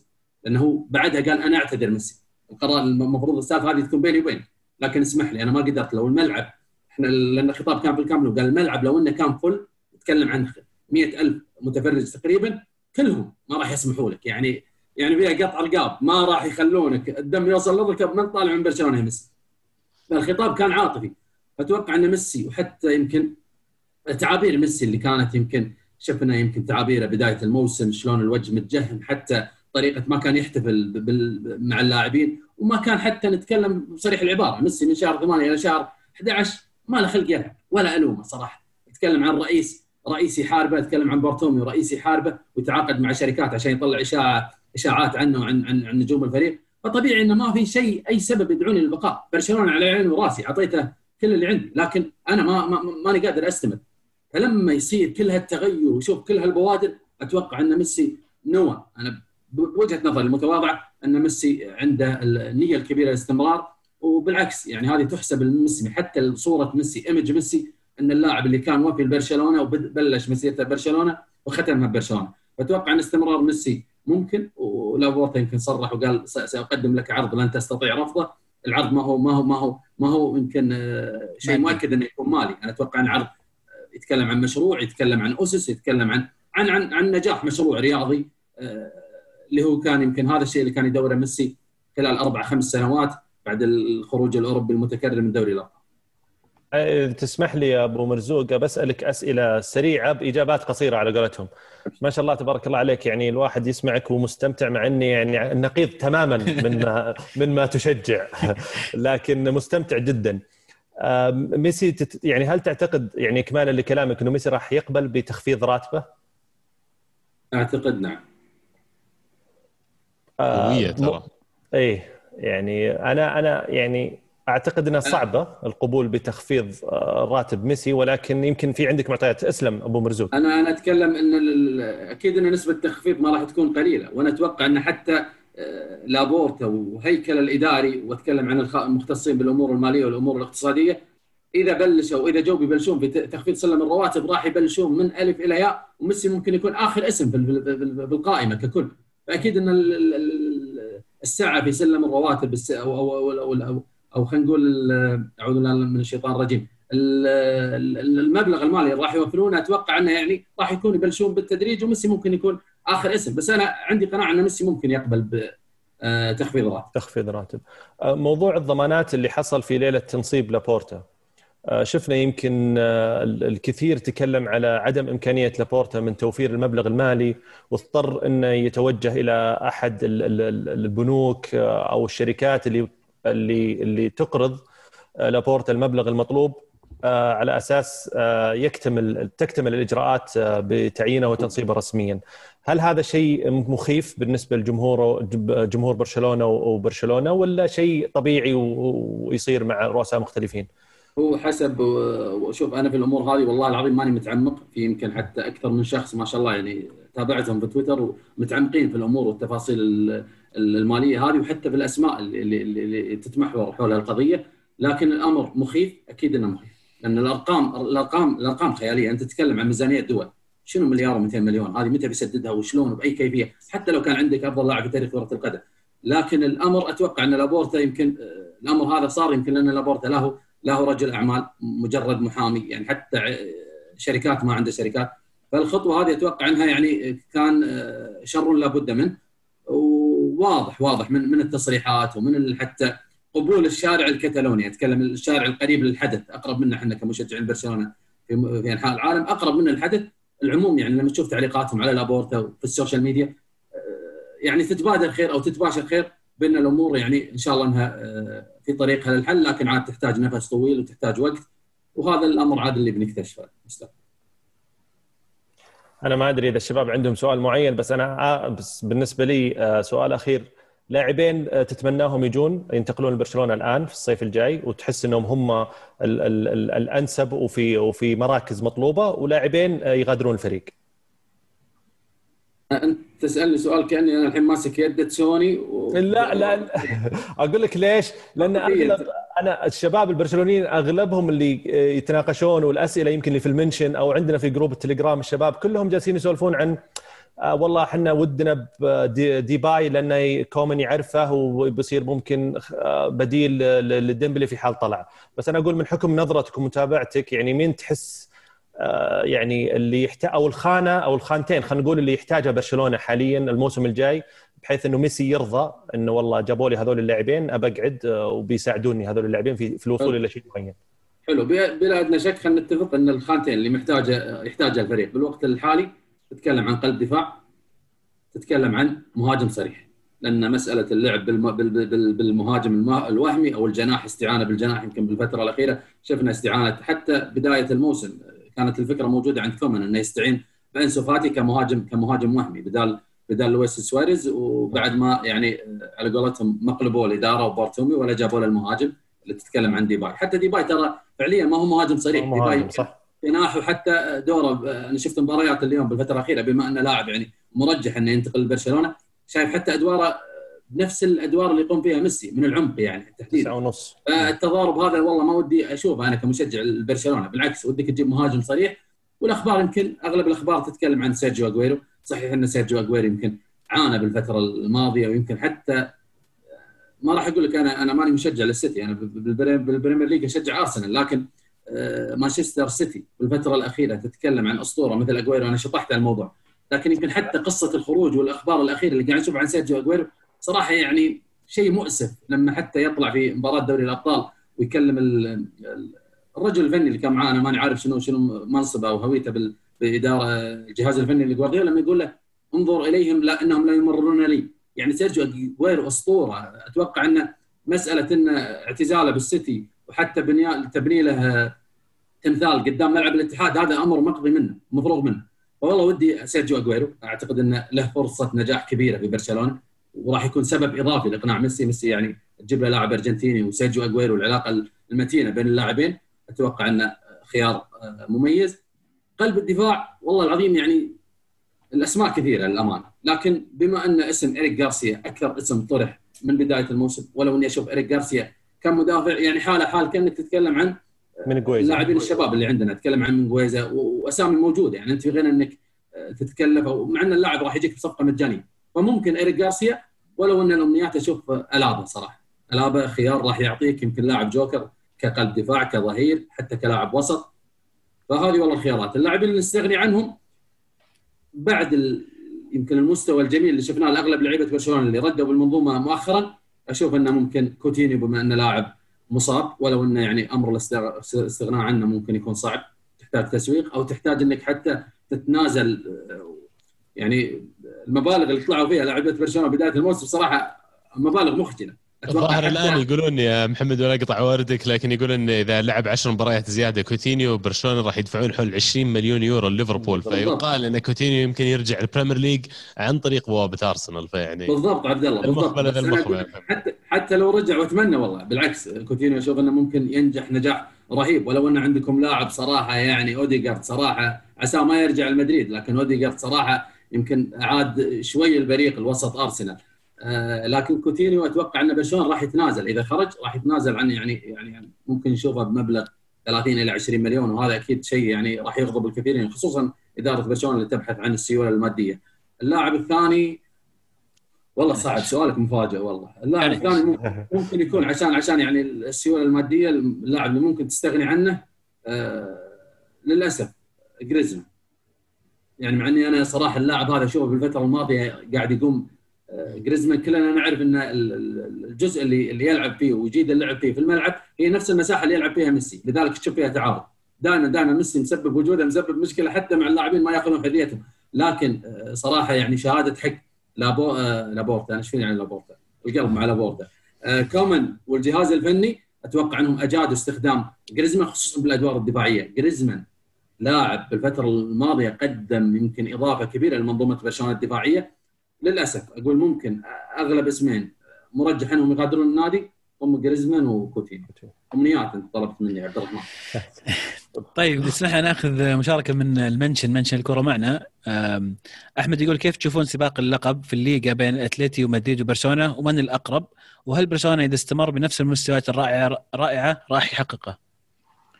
السؤال يعني للجميع بس نبدأ طبعا فيك. ابو سعود يمكن بعد التوقف الدولي في عشر جولات في الليغا. بوجهه نظري أتوقع أن هالعشر جولات دوري الحالة هذا هذا دوري دوري يعني دوري بأكمله. يمكن أمتع أمتع دوري شافوه عشاق الليغا هو دوري كابيلو 2007 اللي ما حسم إلا بالأمتار الأخيرة وبالثواني الأخيرة. ولو أنه كان مؤلم بالنسبة لي كبرشلوني لكن أتوقع أن الدوري هذا راح يستمر لآخر رمق. أتلتيكو. آه، سيميوني يمكن الكل تكلم عن أحقيته وأن قدم موسم أسطوري وأنا خالفهم هالراي جملة تفصيلا مع كامل الاحترام لأتلتيكو سيميوني. أتوقع أن انخفاض مستوى الريال وبرشلونة الكارثي هو اللي عطى المساحة والحرية لأتلتيكو لدرجة أن حتى ريال سوسيداد فترة من الفترات وصل إلى مطلع شهر ديسمبر وهو متصدر متصدر الدوري. فيمكن انخفاض مستوى الريال وبرشلونة عطى الحرية لكل هذه الأفرقة أنها تنافس تأخذ فرصتها في في في في الصراع على اللقب لكن أتوقع أن مسألة اللقب في نهاية القصة وجهة نظري وممكن أتلتيكو يحققه وان حققه فهو يستاهل وسيميوني يستحق ولويس سواريز يستاهل بما انه يعني له معزة خاصة عندي. لكن أتوقع أن صراع اللقب راح ينحصر بين الريال والبرسا آه، مباراة الكلاسيكو 10 4 راح تكون حاسمة وفيها جواب آه، يمكن كبير آه، للقصة. أتلتيكو ممكن بعد خسارة تشيلسي وال drop اللي حاشه وحتى مباراة ألافيز اللي شفناها أمس تتكلم عن آه، صاحب مركز قبل الأخير وأضعف دفاع في الليغا. يهددك بهالطريقة في الدقيقه 87 بسبب خطأ يمكن صبياني من سافيتش كاد يمنحهم يمكن تعادل. التعادل هذا لو صار أتوقع إنه راح يمكن ينهي أحلام أتلتيكو. لكن أتلتيكو عنده ثلاث مباريات صعبة قادمة تتكلم عن بيتيس وإشبيليا وبلباو خارج الديار. الثلاث مباريات هذه إذا تجاوزها أتلتيكو بالنقاط الكاملة أتلتيكو راح يكون المرشح الأبرز للقب لكن إذا خسر فيها أتوقع أو تعثر أتوقع إن اللقب راح يكون بين الريال والبرشا وعسى يكون من نصيب برشلونة، برشلونة أنت سألت عن حظوظه، أتوقع إن الحظوظ موجودة بشخصية الفريق اللي شفناه. عبد الرحمن لك حقية التعليق إذا حاب بحكم إنك مدريدي آه يعني. طيب أنا أنا أنا مرشح أتلتيكو مدريد طبعا من بداية الموسم يعني كانت بناء على الظروف اللي يمر فيها مدريد وبرشلونة آه، من قبل واستقطاب أتلتيكو مدريد لسواريز اللي كان على قولتهم هي القطعة المفقودة في في فريق زي أتلتيكو مدريد آه، كلاعب حاسم ولاعب يسجل عدد كبير من الأهداف وممكن يجيب لك الدوري. آه، يعني ممكن ما زلت مستمر بترشيح أتلتيكو مدريد خصوصا بعد خروجه طبعا مبكر من الكاس وخروجه الآن من الشامبيونز ليج فصار التركيز الأغلب على على الدوري ومثل ما قال أبو مرزوق مباراة أمس ضد الفيس آه، على قد ما هي كانت صعبة وقدم فيها الفريق مستوى سيء على قد ما ممكن تكون هي على قولتهم المباراة الانتقالية أو مباراة البطولة بعد تصدي أوبلاك خصوصا اللي راح تعطيهم دفعة آه، معنوية كبيرة للاستمرار في صراع اللقب. والله الأمانة يعني آه، وجهات نظر أثرتنا كثير يا محمد والساعة مباركة والله اللي شرفتنا ويعني آه، لبيت دعوتنا هذا من طيبك.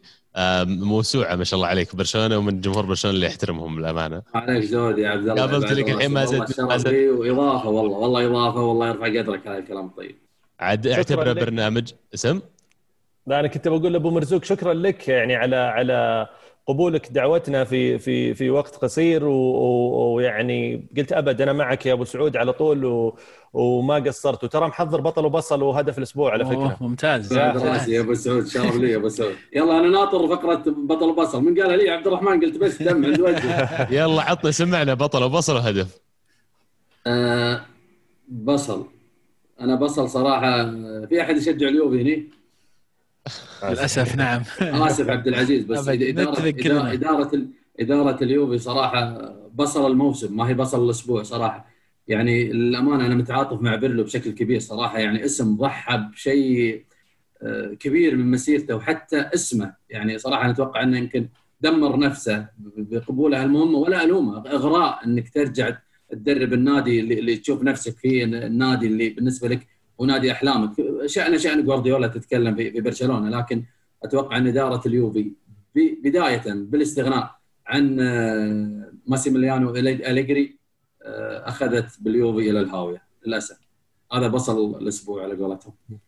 آه، بطل سيرجينيو ديست والله العظيم. صراحة الولد هذا للأمانة صراحة يعني كمية الانتقادات اللي واجهتها في الفترة الأخيرة التقليل من من من من من من من, من صفقته صفقة انتقاله من أياكس لبرشلونة. حتى منظومة اللعب يمكن أسلوب اللعب ساعد إن الفريق بشكل عام يعتمد على جهة البا لذلك حتى جهة ديست أنا أعطيه أعطيه العذر للأمانة كانت جهة ديست مهمشة في أغلب المباريات. يعني تلعب نتكلم عن مباراة 90 دقيقة 60 دقيقة تبي تلعب اللعب على البا وبعد 60 دقيقة تبي تدخل لاعب جو المباراة. هذا أمر صعب تتكلم عن لاعب عمره 21 إلى 22 سنة. لكن الأمر اللي فعله أمس سيرجينو ديست في ملعب الأنويتا الملعب اللي أشبه بالعقدة لبرشلونه تاريخيا في الليغا. صراحة هذا أمر يستحق أن نعطيه صراحة وسام البطل. أجمل هدف الهدف السادس يمكن آه، أمس صراحة يمكن هدف لو تشيل الهدف هذا آه، عبد الرحمن يوافقني الراي لو تشيل الهدف هذا يمكن تشيله بس شورت كات تاخذه من المباراة وتروح تحطه داخل أي مباراة. لبرشلونه ب 2009 ما راح تتغير المنظومة ولا التركيبه وراح تتقبل وجود هالهدف. حتى لو اختلف التيشيرت أو اختلفت الأسماء. هدف للأمانة صراحة يعكس لك البوادر والنقلة النوعية الإيجابية اللي يمر فيها برشلونة. هذا يمكن هدف عاطفي. لكن صراحة في هدف شفته للأمانة أمس. هدف اللاعب أتوقع لاعب بالدوري الفرنسي. والله ما يحضرني اسمه لكن من ركله حرة. صراحة هدف خارق طريقة نص الملعب. إيه. نص الملعب. فاول عبد الرحمن يمكن إيه. ما أدري أي فريق صراحة لوريان. لوريان. لوريان لوريان صراحة هدف تكنيك اللاعب في التسديد هدف صراحة من أهداف جونينيو للأمانة. صح. جميل جميل صح.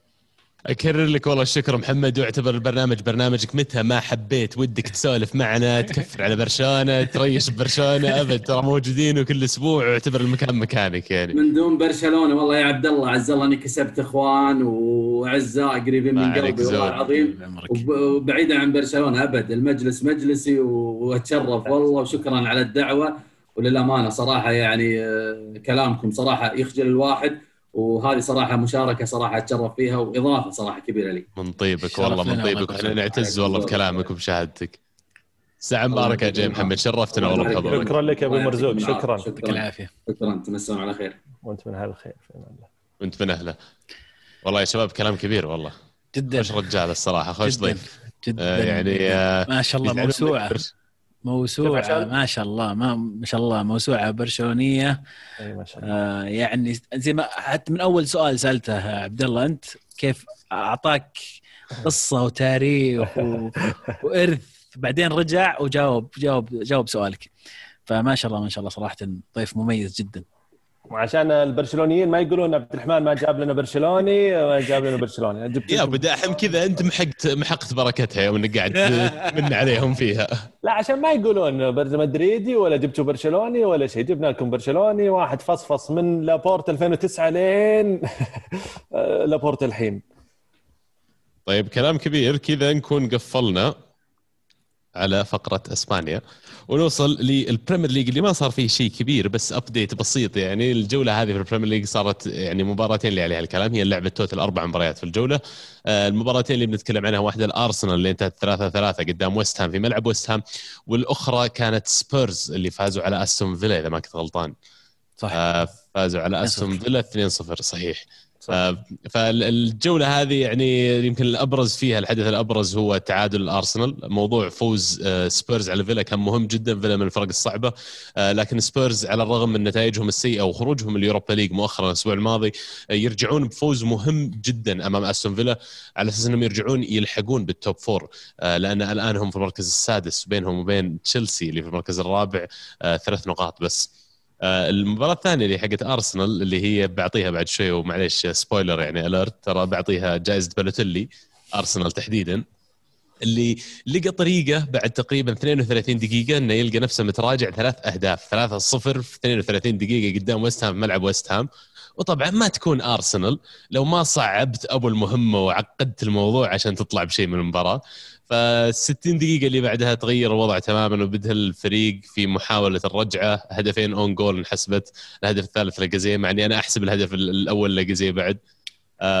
فيعني أرسنال المباراة هذه ورتك كل شيء غلط عن أرسنال كيف إنه سهل جدا تسجل ضدهم وبعدين لما يحتاجون ويصيرون تحت الضغط ومنهزمين بالنتيجة هذه تقدر ترجع وتسجل ثلاث أهداف وتتعادل خارج ملعبك. طيب من البداية يوم ان عندك الكواليتي والنوعية هذه لا تحط نفسك في مكان ولا موقف إنك تتراجع بالطريقة هذه. أه، أحد عنده شيء يضيفه؟ لأن يعني أنا حومت كبدي الصراحة المباراة. كفيت ووفيت يا أبو صراحة. بداحم كان بيقول شيء سكيب. إيه. لا أنا كنت بقول بس على يعني عملية عدم الاستقرار على على في خط الدفاع يعني أنا ما أعرف عن على مستوى الإصابات ومدى سوء الإصابات ولكن يمكن آخر ثلاث مباريات الأرسنال شفتها يمكن أقل شيء عنصرين مختلفين في في خط الدفاع فأحس انه جاء الوقت الآن بما إن ال- ال- الفريق الخط الوسط وال- والهجوم في حالة آه، ممتازة ولاكازيت بعد يرجع يسجل اوديجارد قاعد يرتفع مستوى مباراة عن آه، عن مباراة. آه، بيبي وإضافته وتطوره الملحوظ.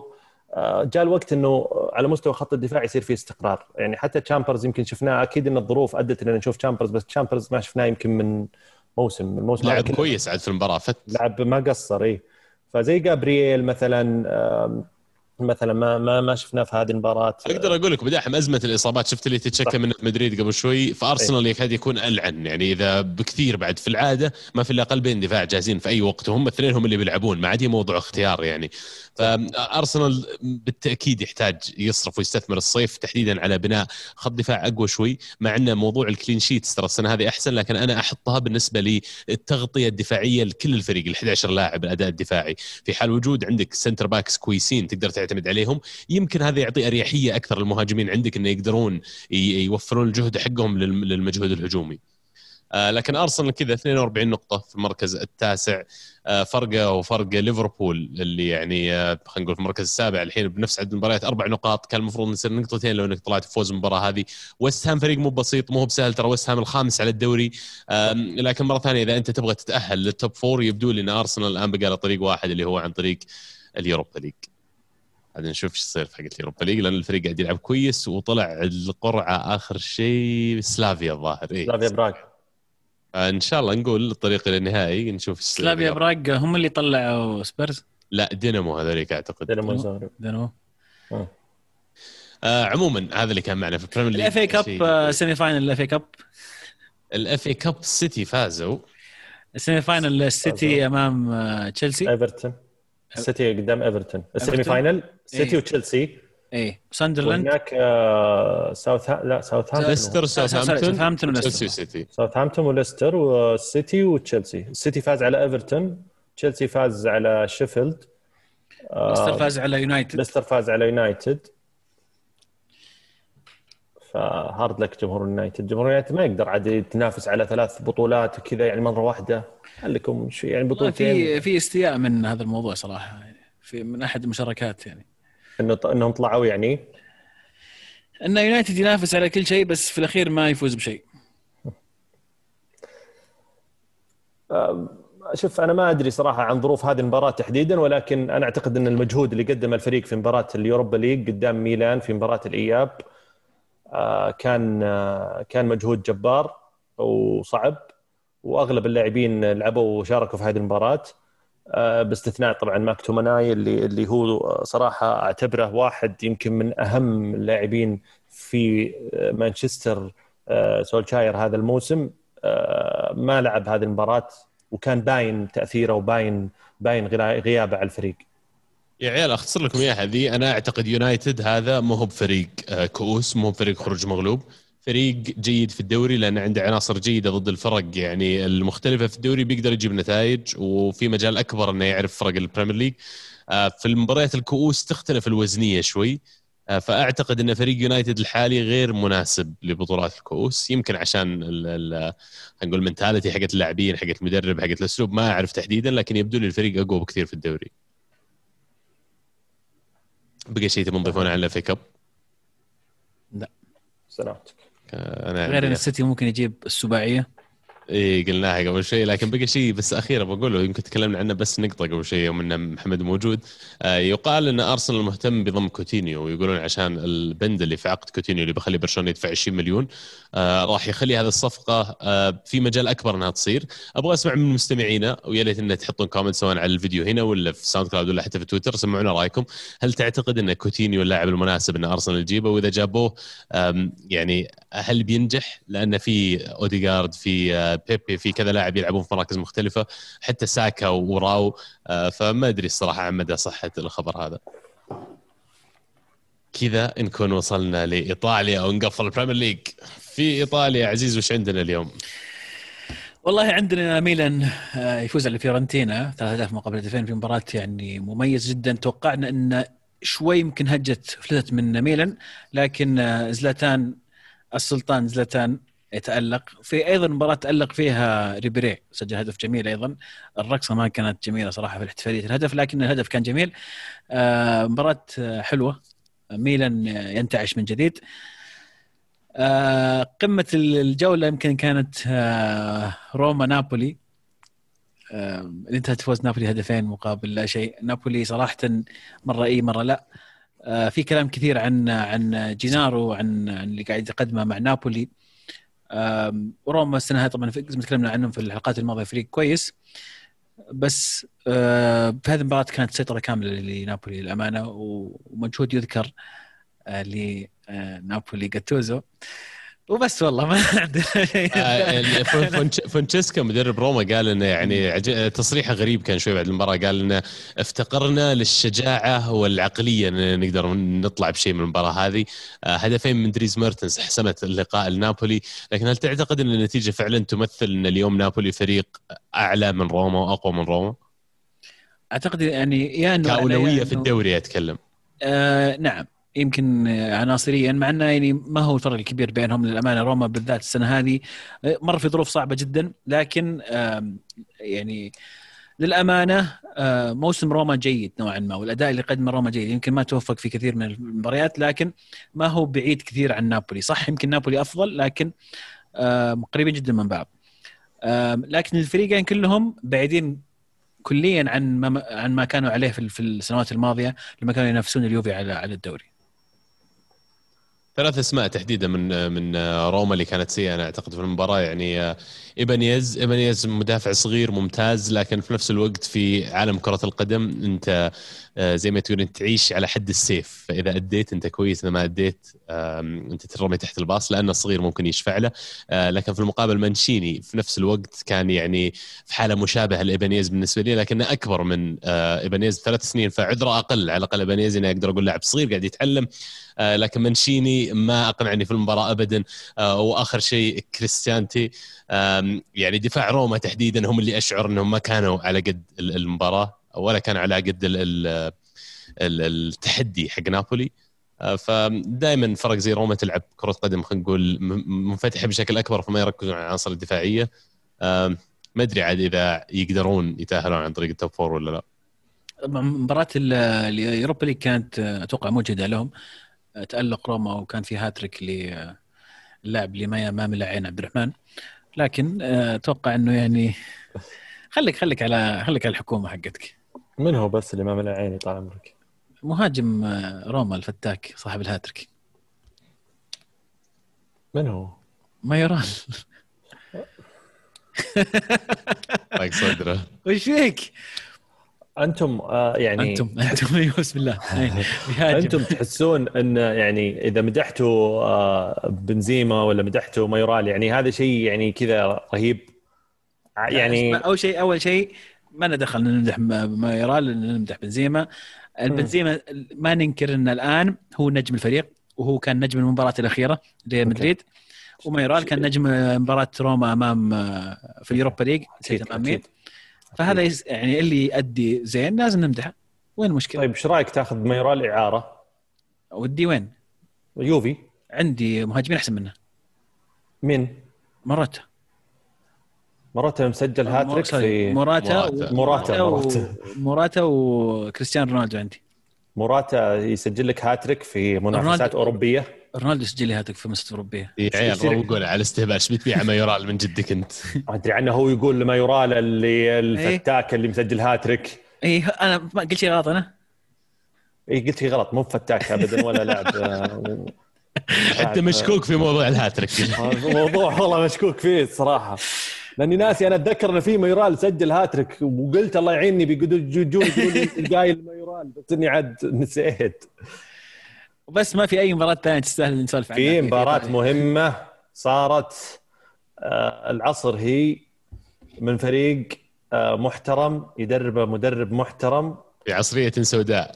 في عصرية سوداء قدام فريق كان لابس أسود في هذا اليوم. فريق هذا اسمه بينفنتو. صح صح صحيح. النطق صحيح. صح عزيز؟ رائع ممتاز. إيه، فريق تو صاعد من الدرجة طيب سرك في سردينيا. اسلم. ثانية بنفنتو. إيه يلا. آه آه uno لازم آه تعطيها واحدة. إيه؟ uno آه صفر. uno zero. uno zero. على فريق اليوفي. إيش صار عزيز المباراة؟ صراحة صراحة تبي الصدق الصدق. إني ما شفتها واني كنت مشغول بظروف العمل. والأمانة ما حرصت بعد النتيجة لا لا يعني ما حرصت أشوفها أصلا ويوم شفت النتيجة ما حرصت أصلا أشوف ال highlights ولا أدري وش ولا أعرف الموضوع بس عزيز تعرف إيش معنات النتيجة هذه؟ أنت تتكلم أنت الآن الفرق عن إنتر صار 10 نقاط, 10 نقاط وباقي صح. 11 جولة بس أه صحيح يعني معناته معناته إنتر يفوز آه ثمان مباريات من ال 11 الباقية يضمن الدوري بغض النظر عن النتائج الثانية. طيب موضوع إن انتر بيحقق اللقب أنا بالنسبة لي لي فترة مقتنع بهذا هذه القناعة وكنت ارشحه من قبل ما يتصدر ومرشحة قبل بداية الموسم. والآن الدوري لو ضاع على إنتر راح تكون من أكبر خلينا نقول المفاجآت في في الفترة الماضية في الدوري الإيطالي. لأنه صعب جدا إنه يروح الدوري على الانتر الآن. هذا أتوقع خلينا نخلص الموضوع هذا نخليه على جنب لأن أنا بالنسبة لي الموضوع منتهي وخالصين منه. وما أعرف كيف ممكن إنتر يضيع الدوري. مبروك لجمهورة المقدمة. موضوع اليوفي أنا بالنسبة لي ما هو مفاجأة. ولا تقول لي هاتريك آه، رونالدو المباراة الأخيرة آه، هو اللي أوف عاد اليوفي يا عزيزي. لا لا خلينا واضحين واضحين وواقعيين. ما ما عاد ما تغير شيء. الأمور زي ما هي تخبيص تجريب الدنيا ضايعه ال ال يعني الموضوع ما يتصلح في في في أسبوع ولا في حصة تدريبية ولا ذلك. فالله يسهل الموسم ذا. اليوفي عليه أن ينتبه من القادمين من الخلف. هذا نقطة مهمة جدا. أتلانتا قريب ممكن يعديه أنا بقول لك شيء أنتم حطتكم لبيرلو من البداية وأنا داري تكلمنا عن هذا الموضوع. أنا يبدو لي كان كذا مخاطرة سويتوها لكن يبدو لي كمان إن الرئيس معبط على موضوع أنا حطيته بينجح غصب. لأنه يعني أنا بقيس الأثر المدرب على فريق. فمثلا توخل جاء تشيلسي. ترى خلال ثلاث أسابيع أقل من ثلاث أسابيع يمكن خلال أسبوعين بس على طول بديت تشوف أثر المدرب على الفريق مع إن أسلوب لعبه مختلف تماما عن لامبارد لكن بديت تشوف لمسة المدرب وال system والتكتيك اللي هو يحاول يسويه. لكن بيرلو أنت اليوم يعني عدى عليك سبع شهور أنا أعتقد أو مو أعتقد أكاد أجزم إن بيرلو للحين قاعد يخترع ما يدري إيش قاعد يسوي. ومسكين أنا ما ألومه هو وضع في في المنصب هذا لكن بالنسبة لإدارة اليوفي تستهبلون يوم إنك قاعد مخسر لي كل الفلوس على رونالدو وغيره على project تبغى يكون جاهز ثم تجي؟ ومعليش سامحني سامحني على بس تطقع تحط لي بيرلو. يعني يعني المقارنة ظالمة جدا عبد الله. أتفق معك إن اللي سواه توخل أو اللي اللي, اللي عكس توخل على تشيلسي واضح جدا. مدرب آه، معروف في ألمانيا قاد فرق في ألمانيا وصل مع دورتموند إلى آه، نتائج إيجابية راح مع بي إس جي درب بي إس جي. مدرب عنده تجربة تدريبية سابقة. شوف شوف شوف ال requirement كيف بسيط جدا. بس يكون عندك سجل تدريبي سابق فقط. ما تقدر تقارن بأن شخص يعني كان يختبر الشهادة ولسه ما بعد ياخذ شهادة التدريب وجاء اسمع تراك بتدرب فريق 23 قال طيب أنا بستعد. مسك ال sheet بيقرأ من أسماء اللعيبة ثم قال اسمع تعال ترى طيرنا ساري بتمسك مكان. فجأة كذا. ظلم أبو مرزوق قال كلام جميل ظلم بيرلو بالمنصب هذا للأمانة. ولكن بيرلو نفسه غامر وخاطر وما ألومه أكيد واثق من نفسه ويعتقد إنه يستطيع إنه آه، يكون قد المسؤولية هذه أو يستطيع يسوي شيء مع مع مع اليوفي. لكن اللي قاعد نشوفه الآن تخبيص. وزي ما قلت يا عبد الله أخشى إنه فعلا راكبة رأس الرئيس إنه بنكمل وبنجدد وبنستمر موسم بعده وبيستمر الضياع. في مقابلة حلوة اليومين الماضي قريتها عزيز الأليجري. آه، بصراحه يعني قال فيها كلام جميل جدا تكلم فيها عن اليوفي تكلم فيها عن أشياء كثيرة. وصراحة أول مرة يعني أقرأ كلام الأليجري مطول آه، وإجابة على أسئلة مختلفة. آه، بهذا الشكل اللي أثبتت إنه فعلا شخص عنده فكرة، أنا أعرف إنه يمكن جمهور اليوفي كثير ما يحبون يتكلمون على اليجري ويقولون يا ليته ما أقيل ومن هذا الكلام ولكن هو تكلم على على موضوع إقالته وإنه تفاجأ آه، فيها نوعا ما. إن الرئيس جاء وقال له إحنا بنتوجه الرأي المشروع جديد. والمشروع هذا يعني ما راح تكون أنت من ضمنه ما راح تكون يعني ضمن هذا هذا المشروع. وذكر برضو لمح في في المقابلة الا إنه هذا القرار ما كان قرار الرئيس بالحالة إنه القرار هذا كان بالاتفاق مع براتيتشي ما أعرف إذا قلت اسمه صح؟ براتيتشي وندفد see. فا إيه. فواضح إن براتيتشي آه، هو رأس خلينا نقول الخراب في, في اليوفي هذا الموسم وهو اللي كان قاعد يعطي آه، انيلي قرارات أو آراء آه، ما هي ما هي ما هي بصحيحة ما هي بسليمة.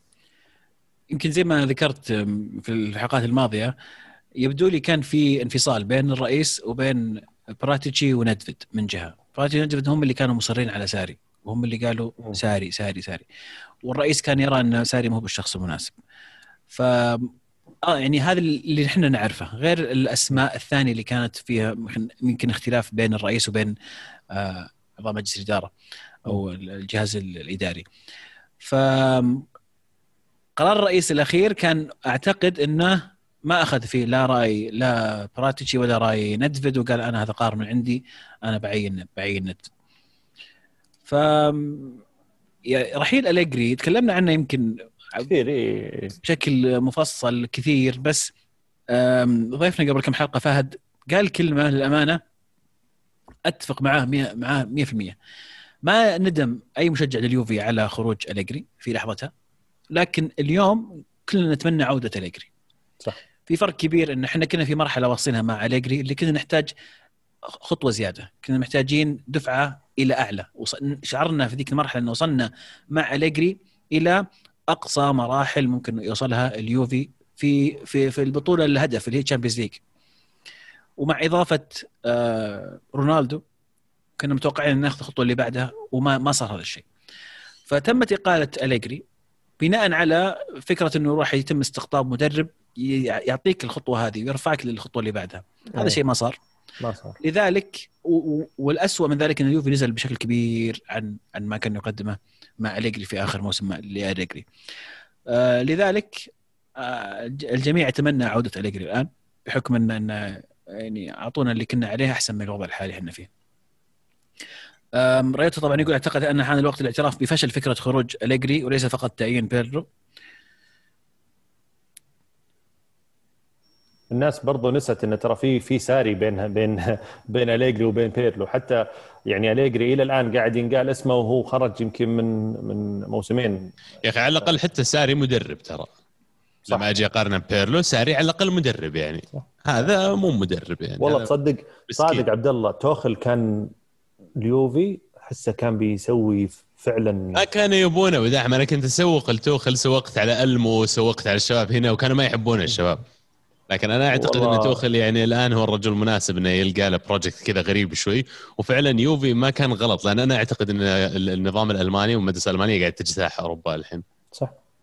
آه، ثلاث مدربين ألمان في في المرحلة هذه من ال Champions League يعني. فليك كلوب لو سألتني توخل توخل. في الصيف كان قلت لك طبعا جيب لي توخل. إذا بتقول لي بيرلو ولا توخل بقول لك أي أحد. أي أحد عنده سيره تدريبية سابقة. hard luck عزيز hard luck. ال bad luck ما يجيك. آه، عادي هذا هذا سنة حياة كرة القدم. لازم تسوي تغيير. عزيز سؤال شاطح. طيب ليش أرتيتا مثلا ما عنده تجربة تدريبية سابقة؟ قاعد يسوي معك أختلف أفضل. معك عنده. حتى أرتيتا ويوم عينوا بيرلو كل قال زي أرتيتا. أقول لكم يا جماعة الخير مو زي أرتيتا. كيف وش ارتيتا الاختلاف؟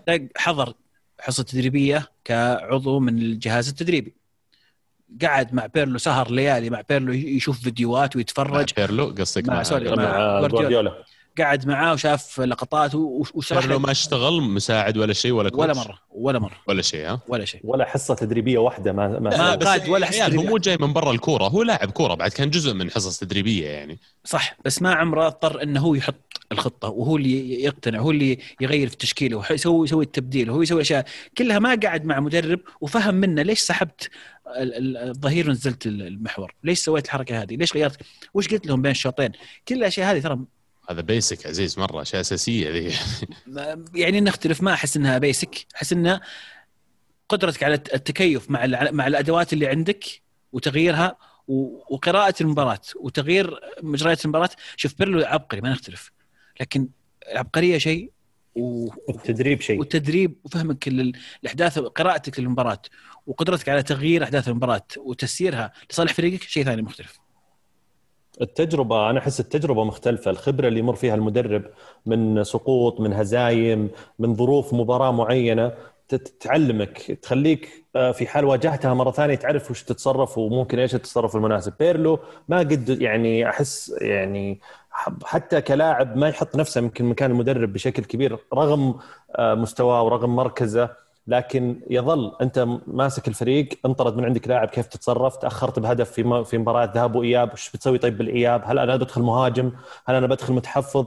كل هذه الأمور تحتاج أنك أنت تكون مريت فيها مرة مرتين. وعلى طاري العباقرة آه، أحب أبارك لك أستاذ عبد العزيز آه، بتولي آه، ال- ال- العبقري تشابي ألونسو تدريب مور بروسيا مونشن جلادباخ بداية من الموسم القادم. فألف مبروك.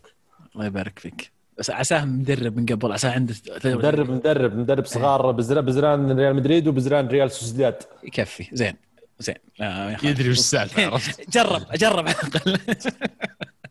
لا وبعدين على الأقل يعني مونشن جلادباخ في الدوري الألماني يعني أنت تقلل من يتصقع. أنت تقلل من الفريق الألماني؟ لا لا لا أقلل من مونشن جلادباخ أحد الفرق التاريخية على مستوى ال- الفريق الألماني الألماني فريق قوي وفريق عريق بعد. صحيح. طيب على طاري العراق والقوة تبون بطل وبصل؟ أعطونا يبي بطل وبصل. بفاجئكم أنا ببطل وبصل. أجل دام فاجئنا أبدأ. يلا. أوكي. طيب تبون أف... أبدأ. بالمفاجأة أو... لا تبون أبدأ بالمفاجأة ولا أنتهي إحنا اللي بالمفاجأة؟ فاجئناك شكلنا. تبون أبدأ بالمفاجأة ولا أنتهي بالمفاجأة؟ اللي تبي. فاجئنا برضو. فاجئنا برضو متى تجي المفاجأة؟ طيب. كريم بنزيما هو بطل الأسبوع. لهذا ال- لا لا لا لا ال- الحلقة. لا لا لا الأسبوع الحلقة؟ حتى ما أعرف يقولها صح. قلتها بسرعة قلتها بسرعة عرفت عشان ما ودي إنها أعيدها مرة ثانية. آه يستاهل لا صراحة أبو إبراهيم آه ما قصر آه الأسبوع هذا. آه، مباراة آه ممتازة قدمها في ال Champions League قدام اتلانتا آه مباراة أكثر من رائعة ال- ال- اللي فاتت وسجل هدفين. آه في وقت صعب آه، احتاجه فيه الفريق. حتى في المباراة اللي قبلها في الدوري برضو سجل آه بهدفين وهدف كان في الوقت الضايع آه على أنه ضيع يمكن نفسها في نفس المباراة. آه، لكن على أساس ما تقولون إني متحامل وتقولون إني ما أعطي آه، كل ذي حق حقه بنزيما هذا الأسبوع في مباراتين آخر مباراتين في الدوري الإسباني. ومباراة ال Champions League يستحق آه، إنه يكون آه، بطل لأنه سجل. وهذه مهمة طبيعية للمهاجم سجل أهداف. آه بعدين عندي بصل آه أو هدف الأسبوع بعطيه آه، ياسين بونو حارس اشبيليا آه، اللي سجل هدف التعادل لاشبيليا في الدقيقة 93 بعد ضربة ركنية ودربكه شوي قدام المرمى. والجميل في الهدف انه انه غير إنه جاء من حارس مرمى توقيت الهدف وشوي ركنه يعني الحارس كان رايق. في هذا الوقت وهذه المنطقة وإنك أنت أصلا حارس وتركنها برضه في الزاوية فهذا أعطاها حلاوة شوي. آه بصل الأسبوع آه صراحة كان في بالي آه التوقف اللي بيصير ال- ال- ال- الأسبوعين هذه. ولكن ما أخفيكم سرا إني أول مرة بنبسط على آه، توقف دولي. ليش؟ ما أدري. أحس إني تعبان. أحس إني كني لاعب مع اللاعبين. كم قاعد كم قعدنا ما توقع أطول فترة أعتقد إنها آه، قعدناها بدون آه، بدون آه، إيقاف الدولي بالنسبة للمنتخبات. كل يوم تقريبا مباراة. وعاد أخوكم في الله يعني ما يفوت أي شيء. يوم الجمعة عادي يتفرج على ليدز وشيفيلد مدري ليدز ومدري مين. فأحس إن نحتاج هذه الراحة. فيعني نص نص بصلة لل- للتوقف الدولي. مكرملة. بصلة مكرملة. بصلة مكرمله راين جوعان تكفى. طيب. عزيز عندك؟ أنا عندي آه كنت بقول بطل الأسبوع والله بونو الحارس لكن دامك اخترت هدف نعطيها سكاماكا لاعب آه، مهاجم آه، جنوا نزل من الدكة وسجل هدفين. لاعب مميز في كلام عن ارتباطه بأندية كبيرة. بصل الأسبوع ما يخفى عليكم إنه بصل أسبوع يوفي. أو عبد الله لأنه قاعد يشغل أشياء غريبة. سمعت تستهبل. آه، لكن بصل أسبوع يوفي ما يحتاج نعيد ون- ونزيد. آه، هدف الأسبوع هدف آه، آرمند لاعب لوريان الفاول اللي تكلم عنه أبو مرزوق. تسديده من نص الملعب على اليسار يعني شيء بعيد كذا والتكنيك وطلعت الكرة ونزلت. هدف جينينياوي. تفضل عبد يا الله. عبد الله إذا خلصنا آه المقاطع عندي أنا وشي؟ إذا خلصت من المقاطع حقتك لا لا مو مقاطعة حقتي بس إنك قاعد اراجع شيء اتاكد منه.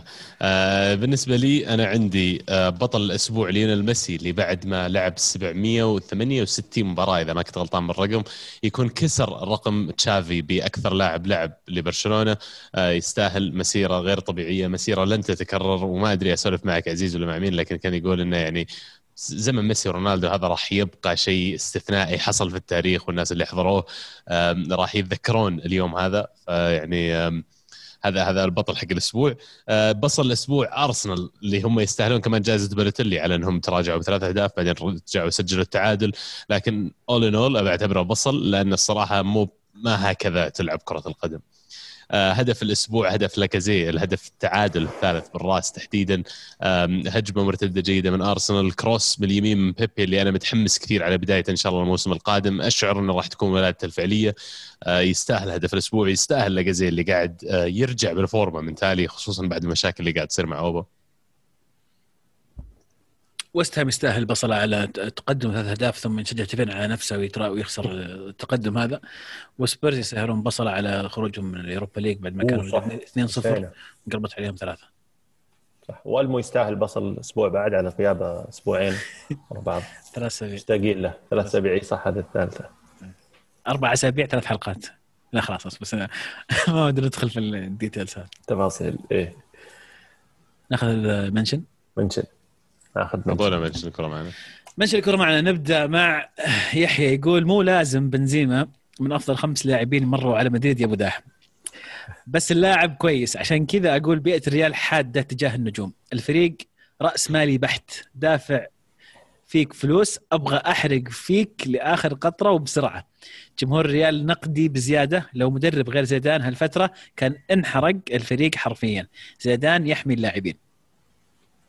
أتوقع يمكن كانت تغريدة بتصير مختلفة بعد ما سمع بطل الأسبوع حقي هذا الأسبوع لا بس شوف بشكل سريع ومختصر آه، يعني أنا أنا ما قلت أصلا إن بنزيما آه، من ضمن أفضل خمسة أو مو من ضمن أفضل خمسة لأنه أصلا أعتقد تاريخ مدريد يعني آه، كبير وفيه مروا عليه لاعبين تاريخيين يخلي انه من الصعوبة لاعبين يعني أكبر من بنزيما إنه يكونون ضمن خمسة فما بالك ببنزيما.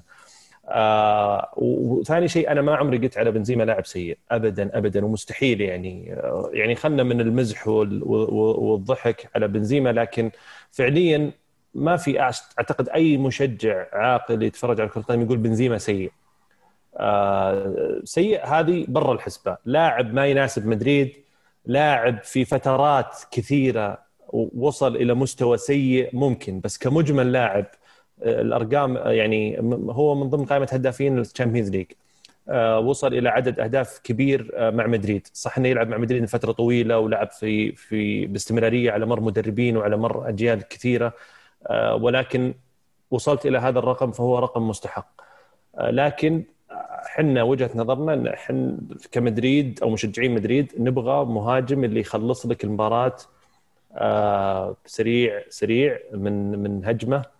من كورة واحدة وأعتقد إن لو كان في راس حربة حقيقي في مدريد قبل خلينا نقول موسم 2016 وقبل الثلاثه Champions League ورا بعض في فترة السنوات العجاف اللي مرت على الفريق في في, في وقت معين كان مدريد قدر يحسم مباريات كثيرة وبطولات كثيرة منها دوري ومنها Champions League.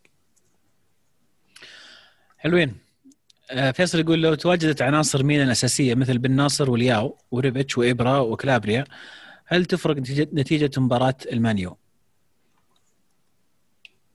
طبعا أكيد.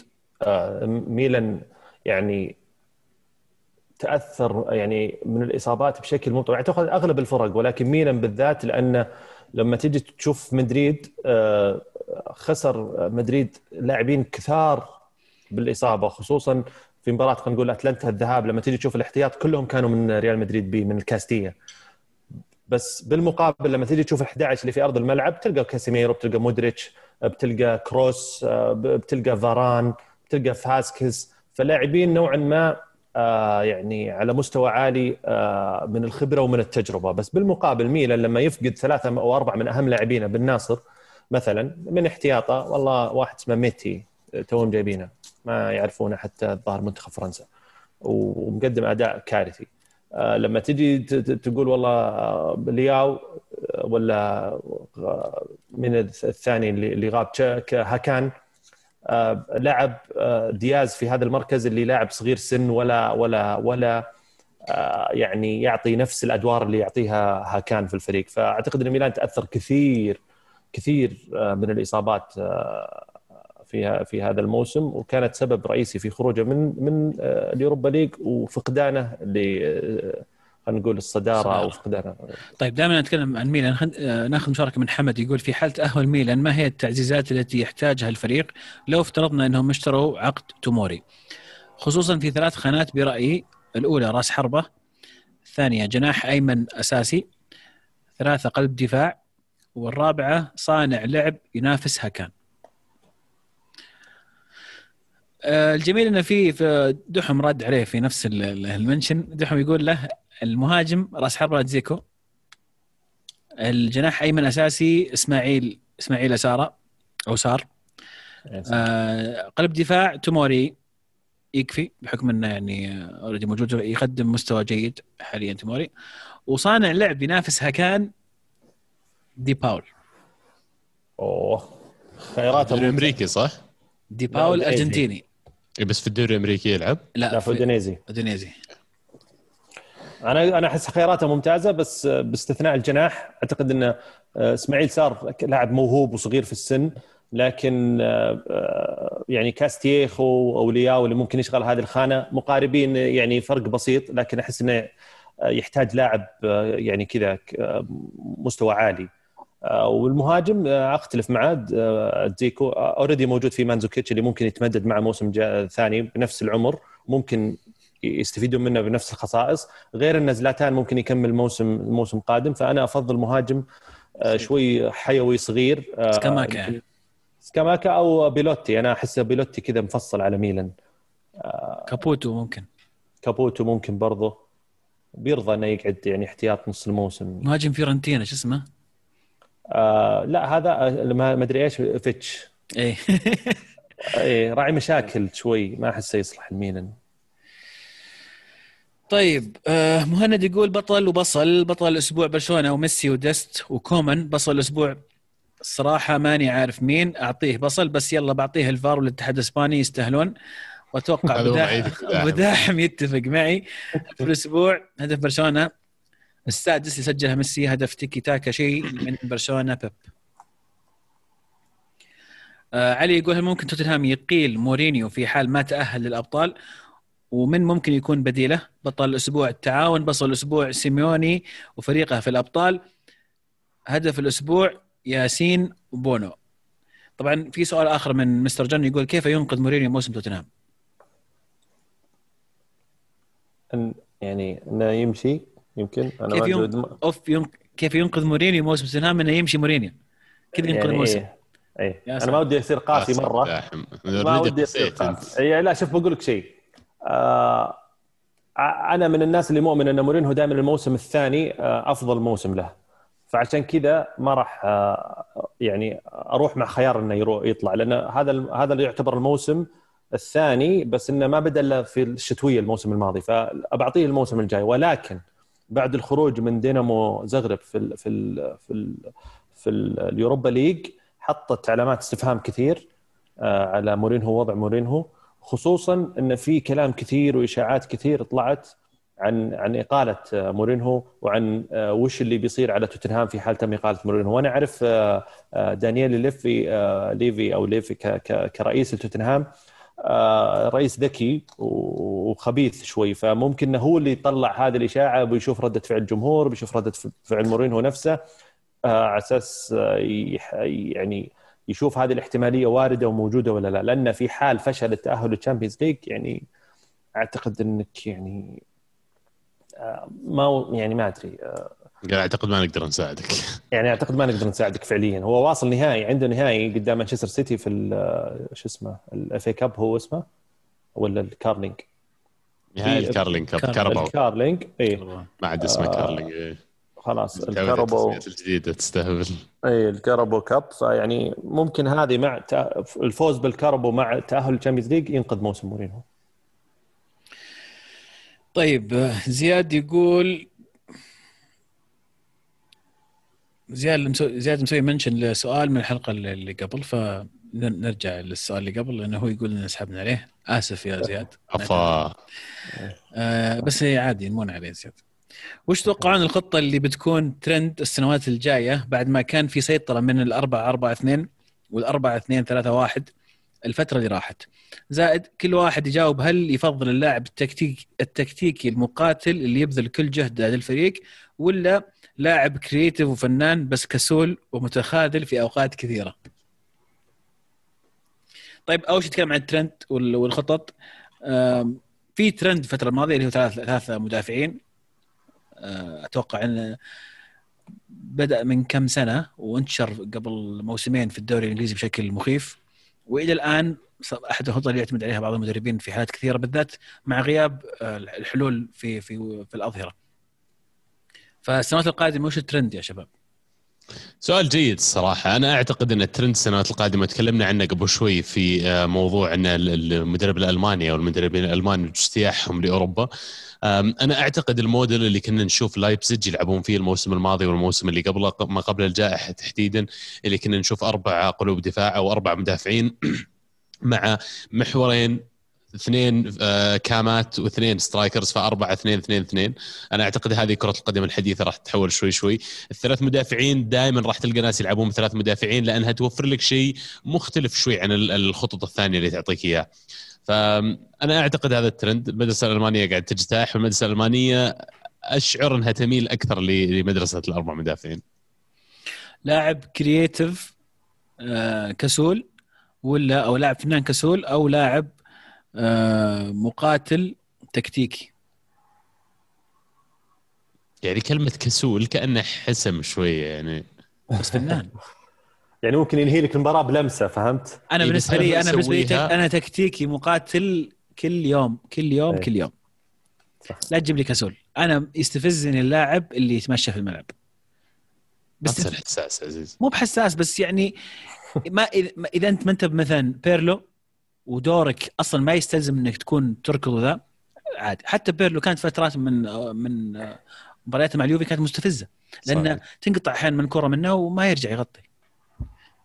صح أنت بيرلو ركضتك السحرية البطيئة هذه أوكي بس لسه أتوقع منك كمحور ادوار دفاعية. أنت قاعد تسقط على مارين آه، بيرلو الحين حتى ويوم كان لاعب. لا لا بيرلو بيرلو أسطورة أفضل لاعب لعب في مركز المحور هذا اللي سمعته أنا. regista أنا بالنسبة لي أنا هين ما أختلف معك. أنا أقول أنت ما أنت بيرلو عشان خلي أسمح لك تكون كسول. أوف أوف أوف.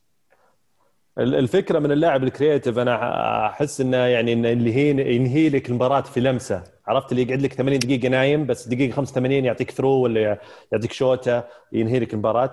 هذه يمكن فكرة باللعب creative بس أنا يعني بروح معك عزيز أنا اللاعب المقاتل اللي يحرث الملعب آه، هو هو اللي بختاره. يا عيال ويعتمد على اللاعب بعد. فمثلا لما تجي تقول لي أنا باخذ من أمثلة أرسنال أمثلة أتذكرها على اللاعبين خلينا نقول يعني lazy زي كذا.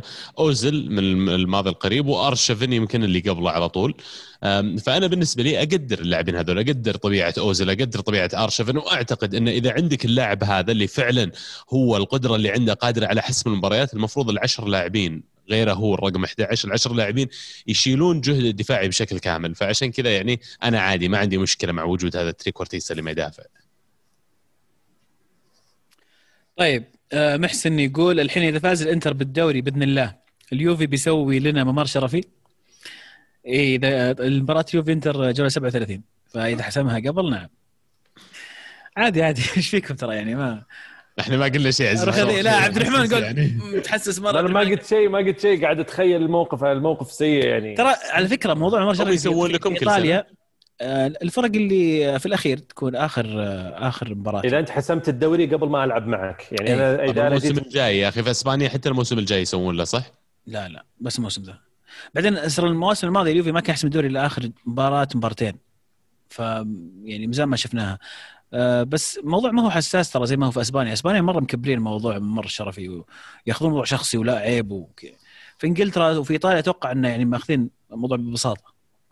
أتوقع في إنجلترا يعني كل أغلب الفرق التوب 6 يمكن مروا على بعض بأنهم يسوون بعض مباريات شرفية بس عندنا إحنا ما سوينا برشلونة سووا لنا في 2004 أتوقع 2006 2007 الظاهر بس إحنا ما سوينا لهم بيطلعون صورة قديمة من عام 1400 خشبة ما ما, ما نذكرها ما, ما تعنينا. أوكي. أيضا محسن يقول توقعاتكم ساري أليجري بنيتز لامبارد فالفيردي ولوف يبي يدربون أي فريق وهل بالصيف القادم ولا يبطون شوي؟ بيبطون شوي. والله كثير أسماء كثيرة. والله ساري قاعد يجيه راتب. ينصرف له راتب. أليجري أتوقع خلاص بيخلص آه، موضوع الراتب فبيبدأ الحين يدور شغل جديد. بنيتز أتمنى يرجع نيوكاسل. الوضع دمار صراحة في في نيوكاسل. لامبارد المفروض إنه يرجع يبدأ يدرب ضروري. لامبارد أعتقد مكان مناسب ويست هام بس ويست هام قاعدين يسوون مرة كويس مو محتاجينك يا لامبارد فيعني أتوقع بيلقى له نادي لا إيش تقول عزيز؟ يقول ابدا ما يبونه ما أحس. إي ما يحتاجون بس إنه يعني هو لاعب سابق في ويست هام فمعناته إنه يعني كانت منطقية عرفت؟ آه، لكن أنا أعتقد إذا حصل له بنادي زي كذا نادي لندني نادي شوية عنده إمكانيات يعني بيكون محظوظ لو قدر يرجع النادي في ال Premier League فالفيردي. فالفيردي يعني ما أدري هو اسبانيا كان آخر شيء؟ قصدك آه، درب يعني برشلونة؟ اي إيه بعد برشلونة مسك مين قصدي؟ ما مسك أحد. مين مدرب إسبانيا الحين؟ آه، لويس إنريكي. إنريكي أوكي. ما أدري. أنا أعتقد فالنسيا في حال المستثمر الجديد آه، قرر يشتري الفريق وممكن في تغيير جذري للفريق أعتقد إنه مناسب. الفالنسيا. في عندهم اللاعبين الشباب الممتازين مع الضخ المالي اللي ممكن يصير آه، واستقطاب كذا لاعب ممكن يكون ممتاز ومناسب جدا لمشروع فالنسيا الجاي. الاسم الأخير لوف بحكم إنه راح يترك المنتخب الماني. لوف موضوع سياسي أنا أعتقد شوي سياسي من ناحية إنه يعني في حساسية شوي من التعامل مع المدرب داخل ألمانيا، ما أعتقد كل مشروع راح يكون مناسب له، لكن على اللي أنجزه مع المنتخب أعتقد انه في احترام كافي للعمل اللي سواه فيه في ألمانيا على الأقل، انه بيلقى له وظيفة لكن مو معناته إنه بال 20 نادي ولا ال 18 نادي اللي في البوندسليغا بيجون يعني بيعرضون عليه ال position. مع إن بايرن الآن يقولون معلش على على شيء جانبي ويقولون متطاقين مع فليك يقولون. إيه في مشاكل. مع ما أدري بس يعني لكن لوف بيصير خيار منطقي على طول. شاري آه. بيت يقولون في مدريد مدريد يدور بيت في مدريد لو آه لا حول. والله يقول الله لا يقول ما بيه ما بيه ما أتوقع بيه ما بقى شخص ما شرى بيت في مدريد. والله أنا عاد- وياك يا عزيز بعد. شكل البيوت رخيصه هناك. نبي نشتري بيت إن شاء الله في مدريد بس ما والله ندرب ولا كاستيه ليه ليه يا أخي؟ ممكن. إن شاء الله. طيب. قريبا إن شاء الله تسمعون أخبار حلوة فيما يخص التدريب إن يا شاء الله. عيني يا عيني يا عيني. سلام. آه، محمد يقول اليوفي يفوز ثلاثة بهاتريك الدون واليونايتد يفوز على الميلان ويتأهل للدور القادم وأرسنال يتأهل قدام أولمبياكوس زائد خسارة توتنهام وريال مدريد يفوز بثلاثية وبإبداع كروس والحكومة. أسبوع خرافي لأعضاء الكرة معنا. شكرا محمد بس أنا في أشياء صارت بعد ال- ال- الكلام هذا خربت آم، مصطفى يقول عبد الرحمن يمثل نسبة كبيرة من المدريديين يكرهون بنزيما ولتبرير كرههم يتحججون بالأرقام. لكن أبو إبراهيم لم يترك لهم مجال حتى في الأرقام آخر السنوات. أوكي. كم قالوا أجلبوا فلان وفلان سيؤدي أفضل من بنزيما أبرزهم إيكاردي. إيكاردي الآن أرقامه أقل في دوري ضعيف. أين اللي قالوا أفضل من كريم؟ أحسك. أنا يوم قال من وين أبدأ؟ من وين أبدأ أرد؟ موضوع كريم بنزيما أشبع طرحا ويا جماعة والله أني ما عندي مشكلة شخصية مع كريم بنزيما. والله العظيم أني أنتقد أداءه فقط فقط. يعني ما أحبه أوكي. يعني مشاعر شخصية. لكن أنا يوم قال أصلا هو في البداية أبو داحم يمثل نص نص المدريديين انبسطت. ثم قال في كره بنزيما دريت إنه بيدور علي على بنزيما. بس بنزيما أنا أعتقد إنه لو سألت أي مد... أي لاعب يمكن أنت عزيز أو عبد الله لو سألت الحين هل تتمنى بنزيما في فريقك؟ بيقول آه، نعم. آه، هذا هذا يعطي انطباع إن اللاعب مو لاعب آه، عادي. ولا له ولا هو لاعب صغير. لاعب ممتاز ويمكن يلعب أساسي في أي فريق إلا مدريد إلا يلعب أساسي مدريد إيش فيك؟ يلعب يلعب أساسي في مدريد صح صح هو هذا صاير- هذا واقع مو مو بانه تتوقع هذا واقع أو اي الواقع غير أول. اسم ينحط في التشكيلة بنزيما يستاهل والله أبو إبراهيم الحكومة يستاهل والله ناس عندهم نعم ما يعرفونها قسم بالله. يلا ما يخالف. المهم مصطفى يقول بطل الأسبوع الحارس المغربي بونو سجل هدف في آخر دقيقة وعادل النتيجه لاشبيليا بصل الأسبوع أطنان من البصل ليوفنتوس اللي بعد تعادله ذهابا مع بنفنتو يخسر منهم أمس على أرضه. هدف الأسبوع الركلة الحرة الخرافية للاعب لوريان مع آه، لوريان ضد نانت. مشعل يقول لاحظت في المباراة الأخيرة للسيتي استبعاد رحيم ستيرلينج مما انعكس ايجابيا على خط الهجوم وزاد التناغم بينهم. والمدرب من أبجديات التدريب يعرف أين أصبح الخلل أو المعضلة. هل لو عاد رحيم نعتبر بيب يد- يدخل العاطفة في مجال التدريب وخاصة في موضوع مواهبه الخاصة؟ يعني هل إنه ستيرلينج من اكتشافات بيب بيب عشان كذا بيب ممكن يرجع التشكيلة رغم إن الفريق الآن ضبط هجوميا بدون ستيرلينج؟ يعني ما اشعر المدربين على ال level هذا لما توصل للقمة تماما يصير القرارات قرارات مبنية على أشياء عاطفية وبعدين لا تنسى إنه مو بيب اللي اكتشف ستيرلينج يعني ستيرلينج راح للسيتي بمبلغ كبير على وقت التعاقد 50 أو 55 مليون آه فيعني إيش فيك عزيز؟ في أصوات غريبة مستمرة الأصوات الغريبة الحلقة هذه عندي أنا آه آه أوف. لا لا عندنا في واحد الله يهديه سعود؟ يدعس مدري قام آه. لا لكن عموما ما أعتقد إن المدربين يدخلون هذه الأشياء في قراراتهم. ويعني كمان حطه في بالك إنه مو هو اللي اكتشفه. وشيء أخير ستيرلينج يقدم شيء مختلف بالنسبة لهجوم سيتي كنوعية اللاعب عن الخيارات الموجودة الأخرى. فإذا السيتي دائما يبحث عن اللاعب اللي يلعب دور ال poacher ال poacher عادي يلعب رقم تسعة ويكون على كتف آخر المدافع. لكن في هذه الحالة ستيرلينج أكثر لاعب جناح لكن يلعب في خانة هذا ال poacher اللي على الطرف خلينا نقول. فأهمية اسلوب لعب السيتي كبيرة وأعتقد عشان كذا يفضله. رامي يقول بصل الأسبوع فريق الباطن والمهند على غيبته. وبطل الأسبوع هدف لوريان على نانت بالدوري الفرنسي. آه، فهد يقول بطل الأسبوع سكاماكا مهاجم جنوا دخل الشوط الثاني وقرب النتيجة. بصل الأسبوع بيرلو هدف الأسبوع هدف جيردي شوتن. من جيردي شوتن يا جماعة؟ جيردي شوتن. اصبر خلينا نسوي لك. طيب سؤالي تتوقعون زادت حظوظ الميلان بالسكوديتو بعد انتشار هذاك الوباء في الانتر؟ لا. ما راح يتغير شيء والدوري منتهي. آه طبعا رقميا ممكن أكيد. وميلان يمكن مو بعيد ذاك البعد عن عن إنتر لكن آه واقعيا صعب صعب جدا. إيش طلع معك يا أبو داحم؟ أصبر. ما طلع معك شيء طيب. طلع لي شوتن كتب شوت. يومين شوت مشاركة أخيرة من طراد يقول جاري نيفل اقترح في تغريدة. إنه يكون في طريقة لحماية المدربين من الإقالة خصوصا المبكرة بين قوسين أول سنة. إيش رأيكم في موضوع في الموضوع وكيف تكون هذه الطريقة؟ ممكن يكون تغيير المدربين بداية كل موسم فقط ومبروك التأهل لجماهير البلوز. تخيل إنك ما تقدر تعين مدرب وسط الموسم. المفروض لها تنظيم عزيز أحس المفروض إنه ما يخلونها كذا مفتوحة كل أحد يسوي اللي يبغاه. يا أخي أنا قاعد أدير فريق أنا أبغى اشيل المدرب أبغى اغير اللي okay زي حال حال لاعب. كانك أنا ادير فريق أنا أبغى اشتري لاعب. طيب في فترة انتقالات.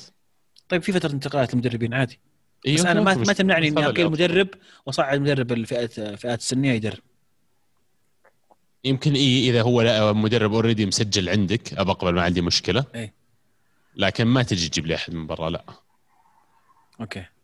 بس إقالات أتوقع صعب إنك توقفها في وسط الموسم. كإقالة. قال لأنه ممكن يصير أي شيء ممكن مدرب يروح يطاق مع الرئيس يطاق مع النادي يطاق مع اللاعبين فيعني إقالة ضرورية لكن يصير الأندية يعملون حسابهم أصلا تصير الفكرة أن المدربين حقين تحت 23 سنة والله فكرة جبتها على بالي يصير لهم أهمية إضافية فدائما تحرص على اختيار مدرب تحت 23 يكون واحد في الغالب مغمور صغير تعطيه فرصة في تدريب هذا الفريق وإذا حصل أنك أقلت المدرب هذه اللحظة اللي تحطه مدرب تجربة ست شهور وثمان شهور لأنك مجبور. وما زال في هذه الأثناء آه، أبو داحم يبحث عن لا لقيته. آه، هولندي لاعب هولندي يلعب في بولونيا وسط. جيردي شوت بولونيا. طيب طيب جاك الهدف؟ ما جاني الهدف. هولندي صغير. ما أذكر. أنا الأسبوع هذا صراحة كاره ال... اي أنا قريت آه، بنيفونتو ضاق صدري. قلت عزيز ما ودك تعرف إنه وين يلعب اللاعب. بس طلع يلعب في بولونيا مو بنيفونتو بنفنتو وين ولد سردينة في بداية الحلقة كنا نقول؟ إيش جاك؟ بنفونتو. بنفنتو. بنفنتو. Sì. Sì. Amico. Prego bravo. Sì signor. طيب وصلنا إلى نهاية فقرة آه، mention الكرة معنا. شكرا لكل من منشنا وشارك معنا وأدلى بدلوه وأعطانا من من رأيه الجميل وكتب لنا آه، مشاعره وبطل بصلاته. وما إلى ذلك. والله إننا نحرص ان ترى كل مشاركة نحاول نذكرها وترى بالتأكيد كل مشاركة وكل comment وكل رسالة كلها بلا استثناء نقراها على كل الأماكن ال platforms الموجوده حتى لو حتى لو قرأناها هنا ترى نقراها ويمكن نحن نرد عليها في, في تويتر أو نعلق بيننا. وفي أشياء كنت تكلمنا عنها في الحلقة فما داعي نعيدها مرة ثانية فقط. هذه الفكرة. لكن يعني لنا كثير الاشياء المهم نقراها تحمد نطنش المهم عادي. لين يجي يسجل معنا. آه شكرا لك عزيز. وكذا أتوقع نكون وصلنا لنهاية حلقتنا لهذا اليوم. نتمنى تكونوا استمتعتوا معنا ونذكركم تابعونا على كل منصات التواصل الاجتماعي موجودين على iTunes SoundCloud تويتر يوتيوب آه إذا كانك تشوف الحلقة SoundCloud لا يفوتك ال reactions في يوتيوب كل فترة نسوي share screen مرات نعطي أشياء تكتيك لا يفوتكم كمان. آه ضيفنا اليوم محمد إضافة مثرية ونذكركم تشاركونا الأسبوع الجاي. إن شاء الله إحنا كل يوم ثلوث عندنا حلقة جديدة. ادخل على تويتر بتلاقينا حاط تغريدة قبل الحلقة بيوم. آه عشان فترة توقف العيال يمكن إيه يمكن لا. يمكن لا، يمكن إيه. يمكن لا. يمكن إيه لكن عموما عموما إحنا العادة نحط التغريدة هذه إذا في حلقة. فادخل كل اللي عليك تسوي إنك تشوف ال- التغريدة هذه وترد عليها مباشرة آه، على تويتر. وإن شاء الله إذا حصل فرصة راح نقرأ كل المشاركات اللي نقدر عليها. آه، كانت بس هذه المواضيع اللي معانا لهذا اليوم. وإن شاء الله نشوفكم على خير الأسبوع الجاي أو اللي بعده. على قولة الشباب كانت الكره معنا والحين الكره معكم. فمان الله.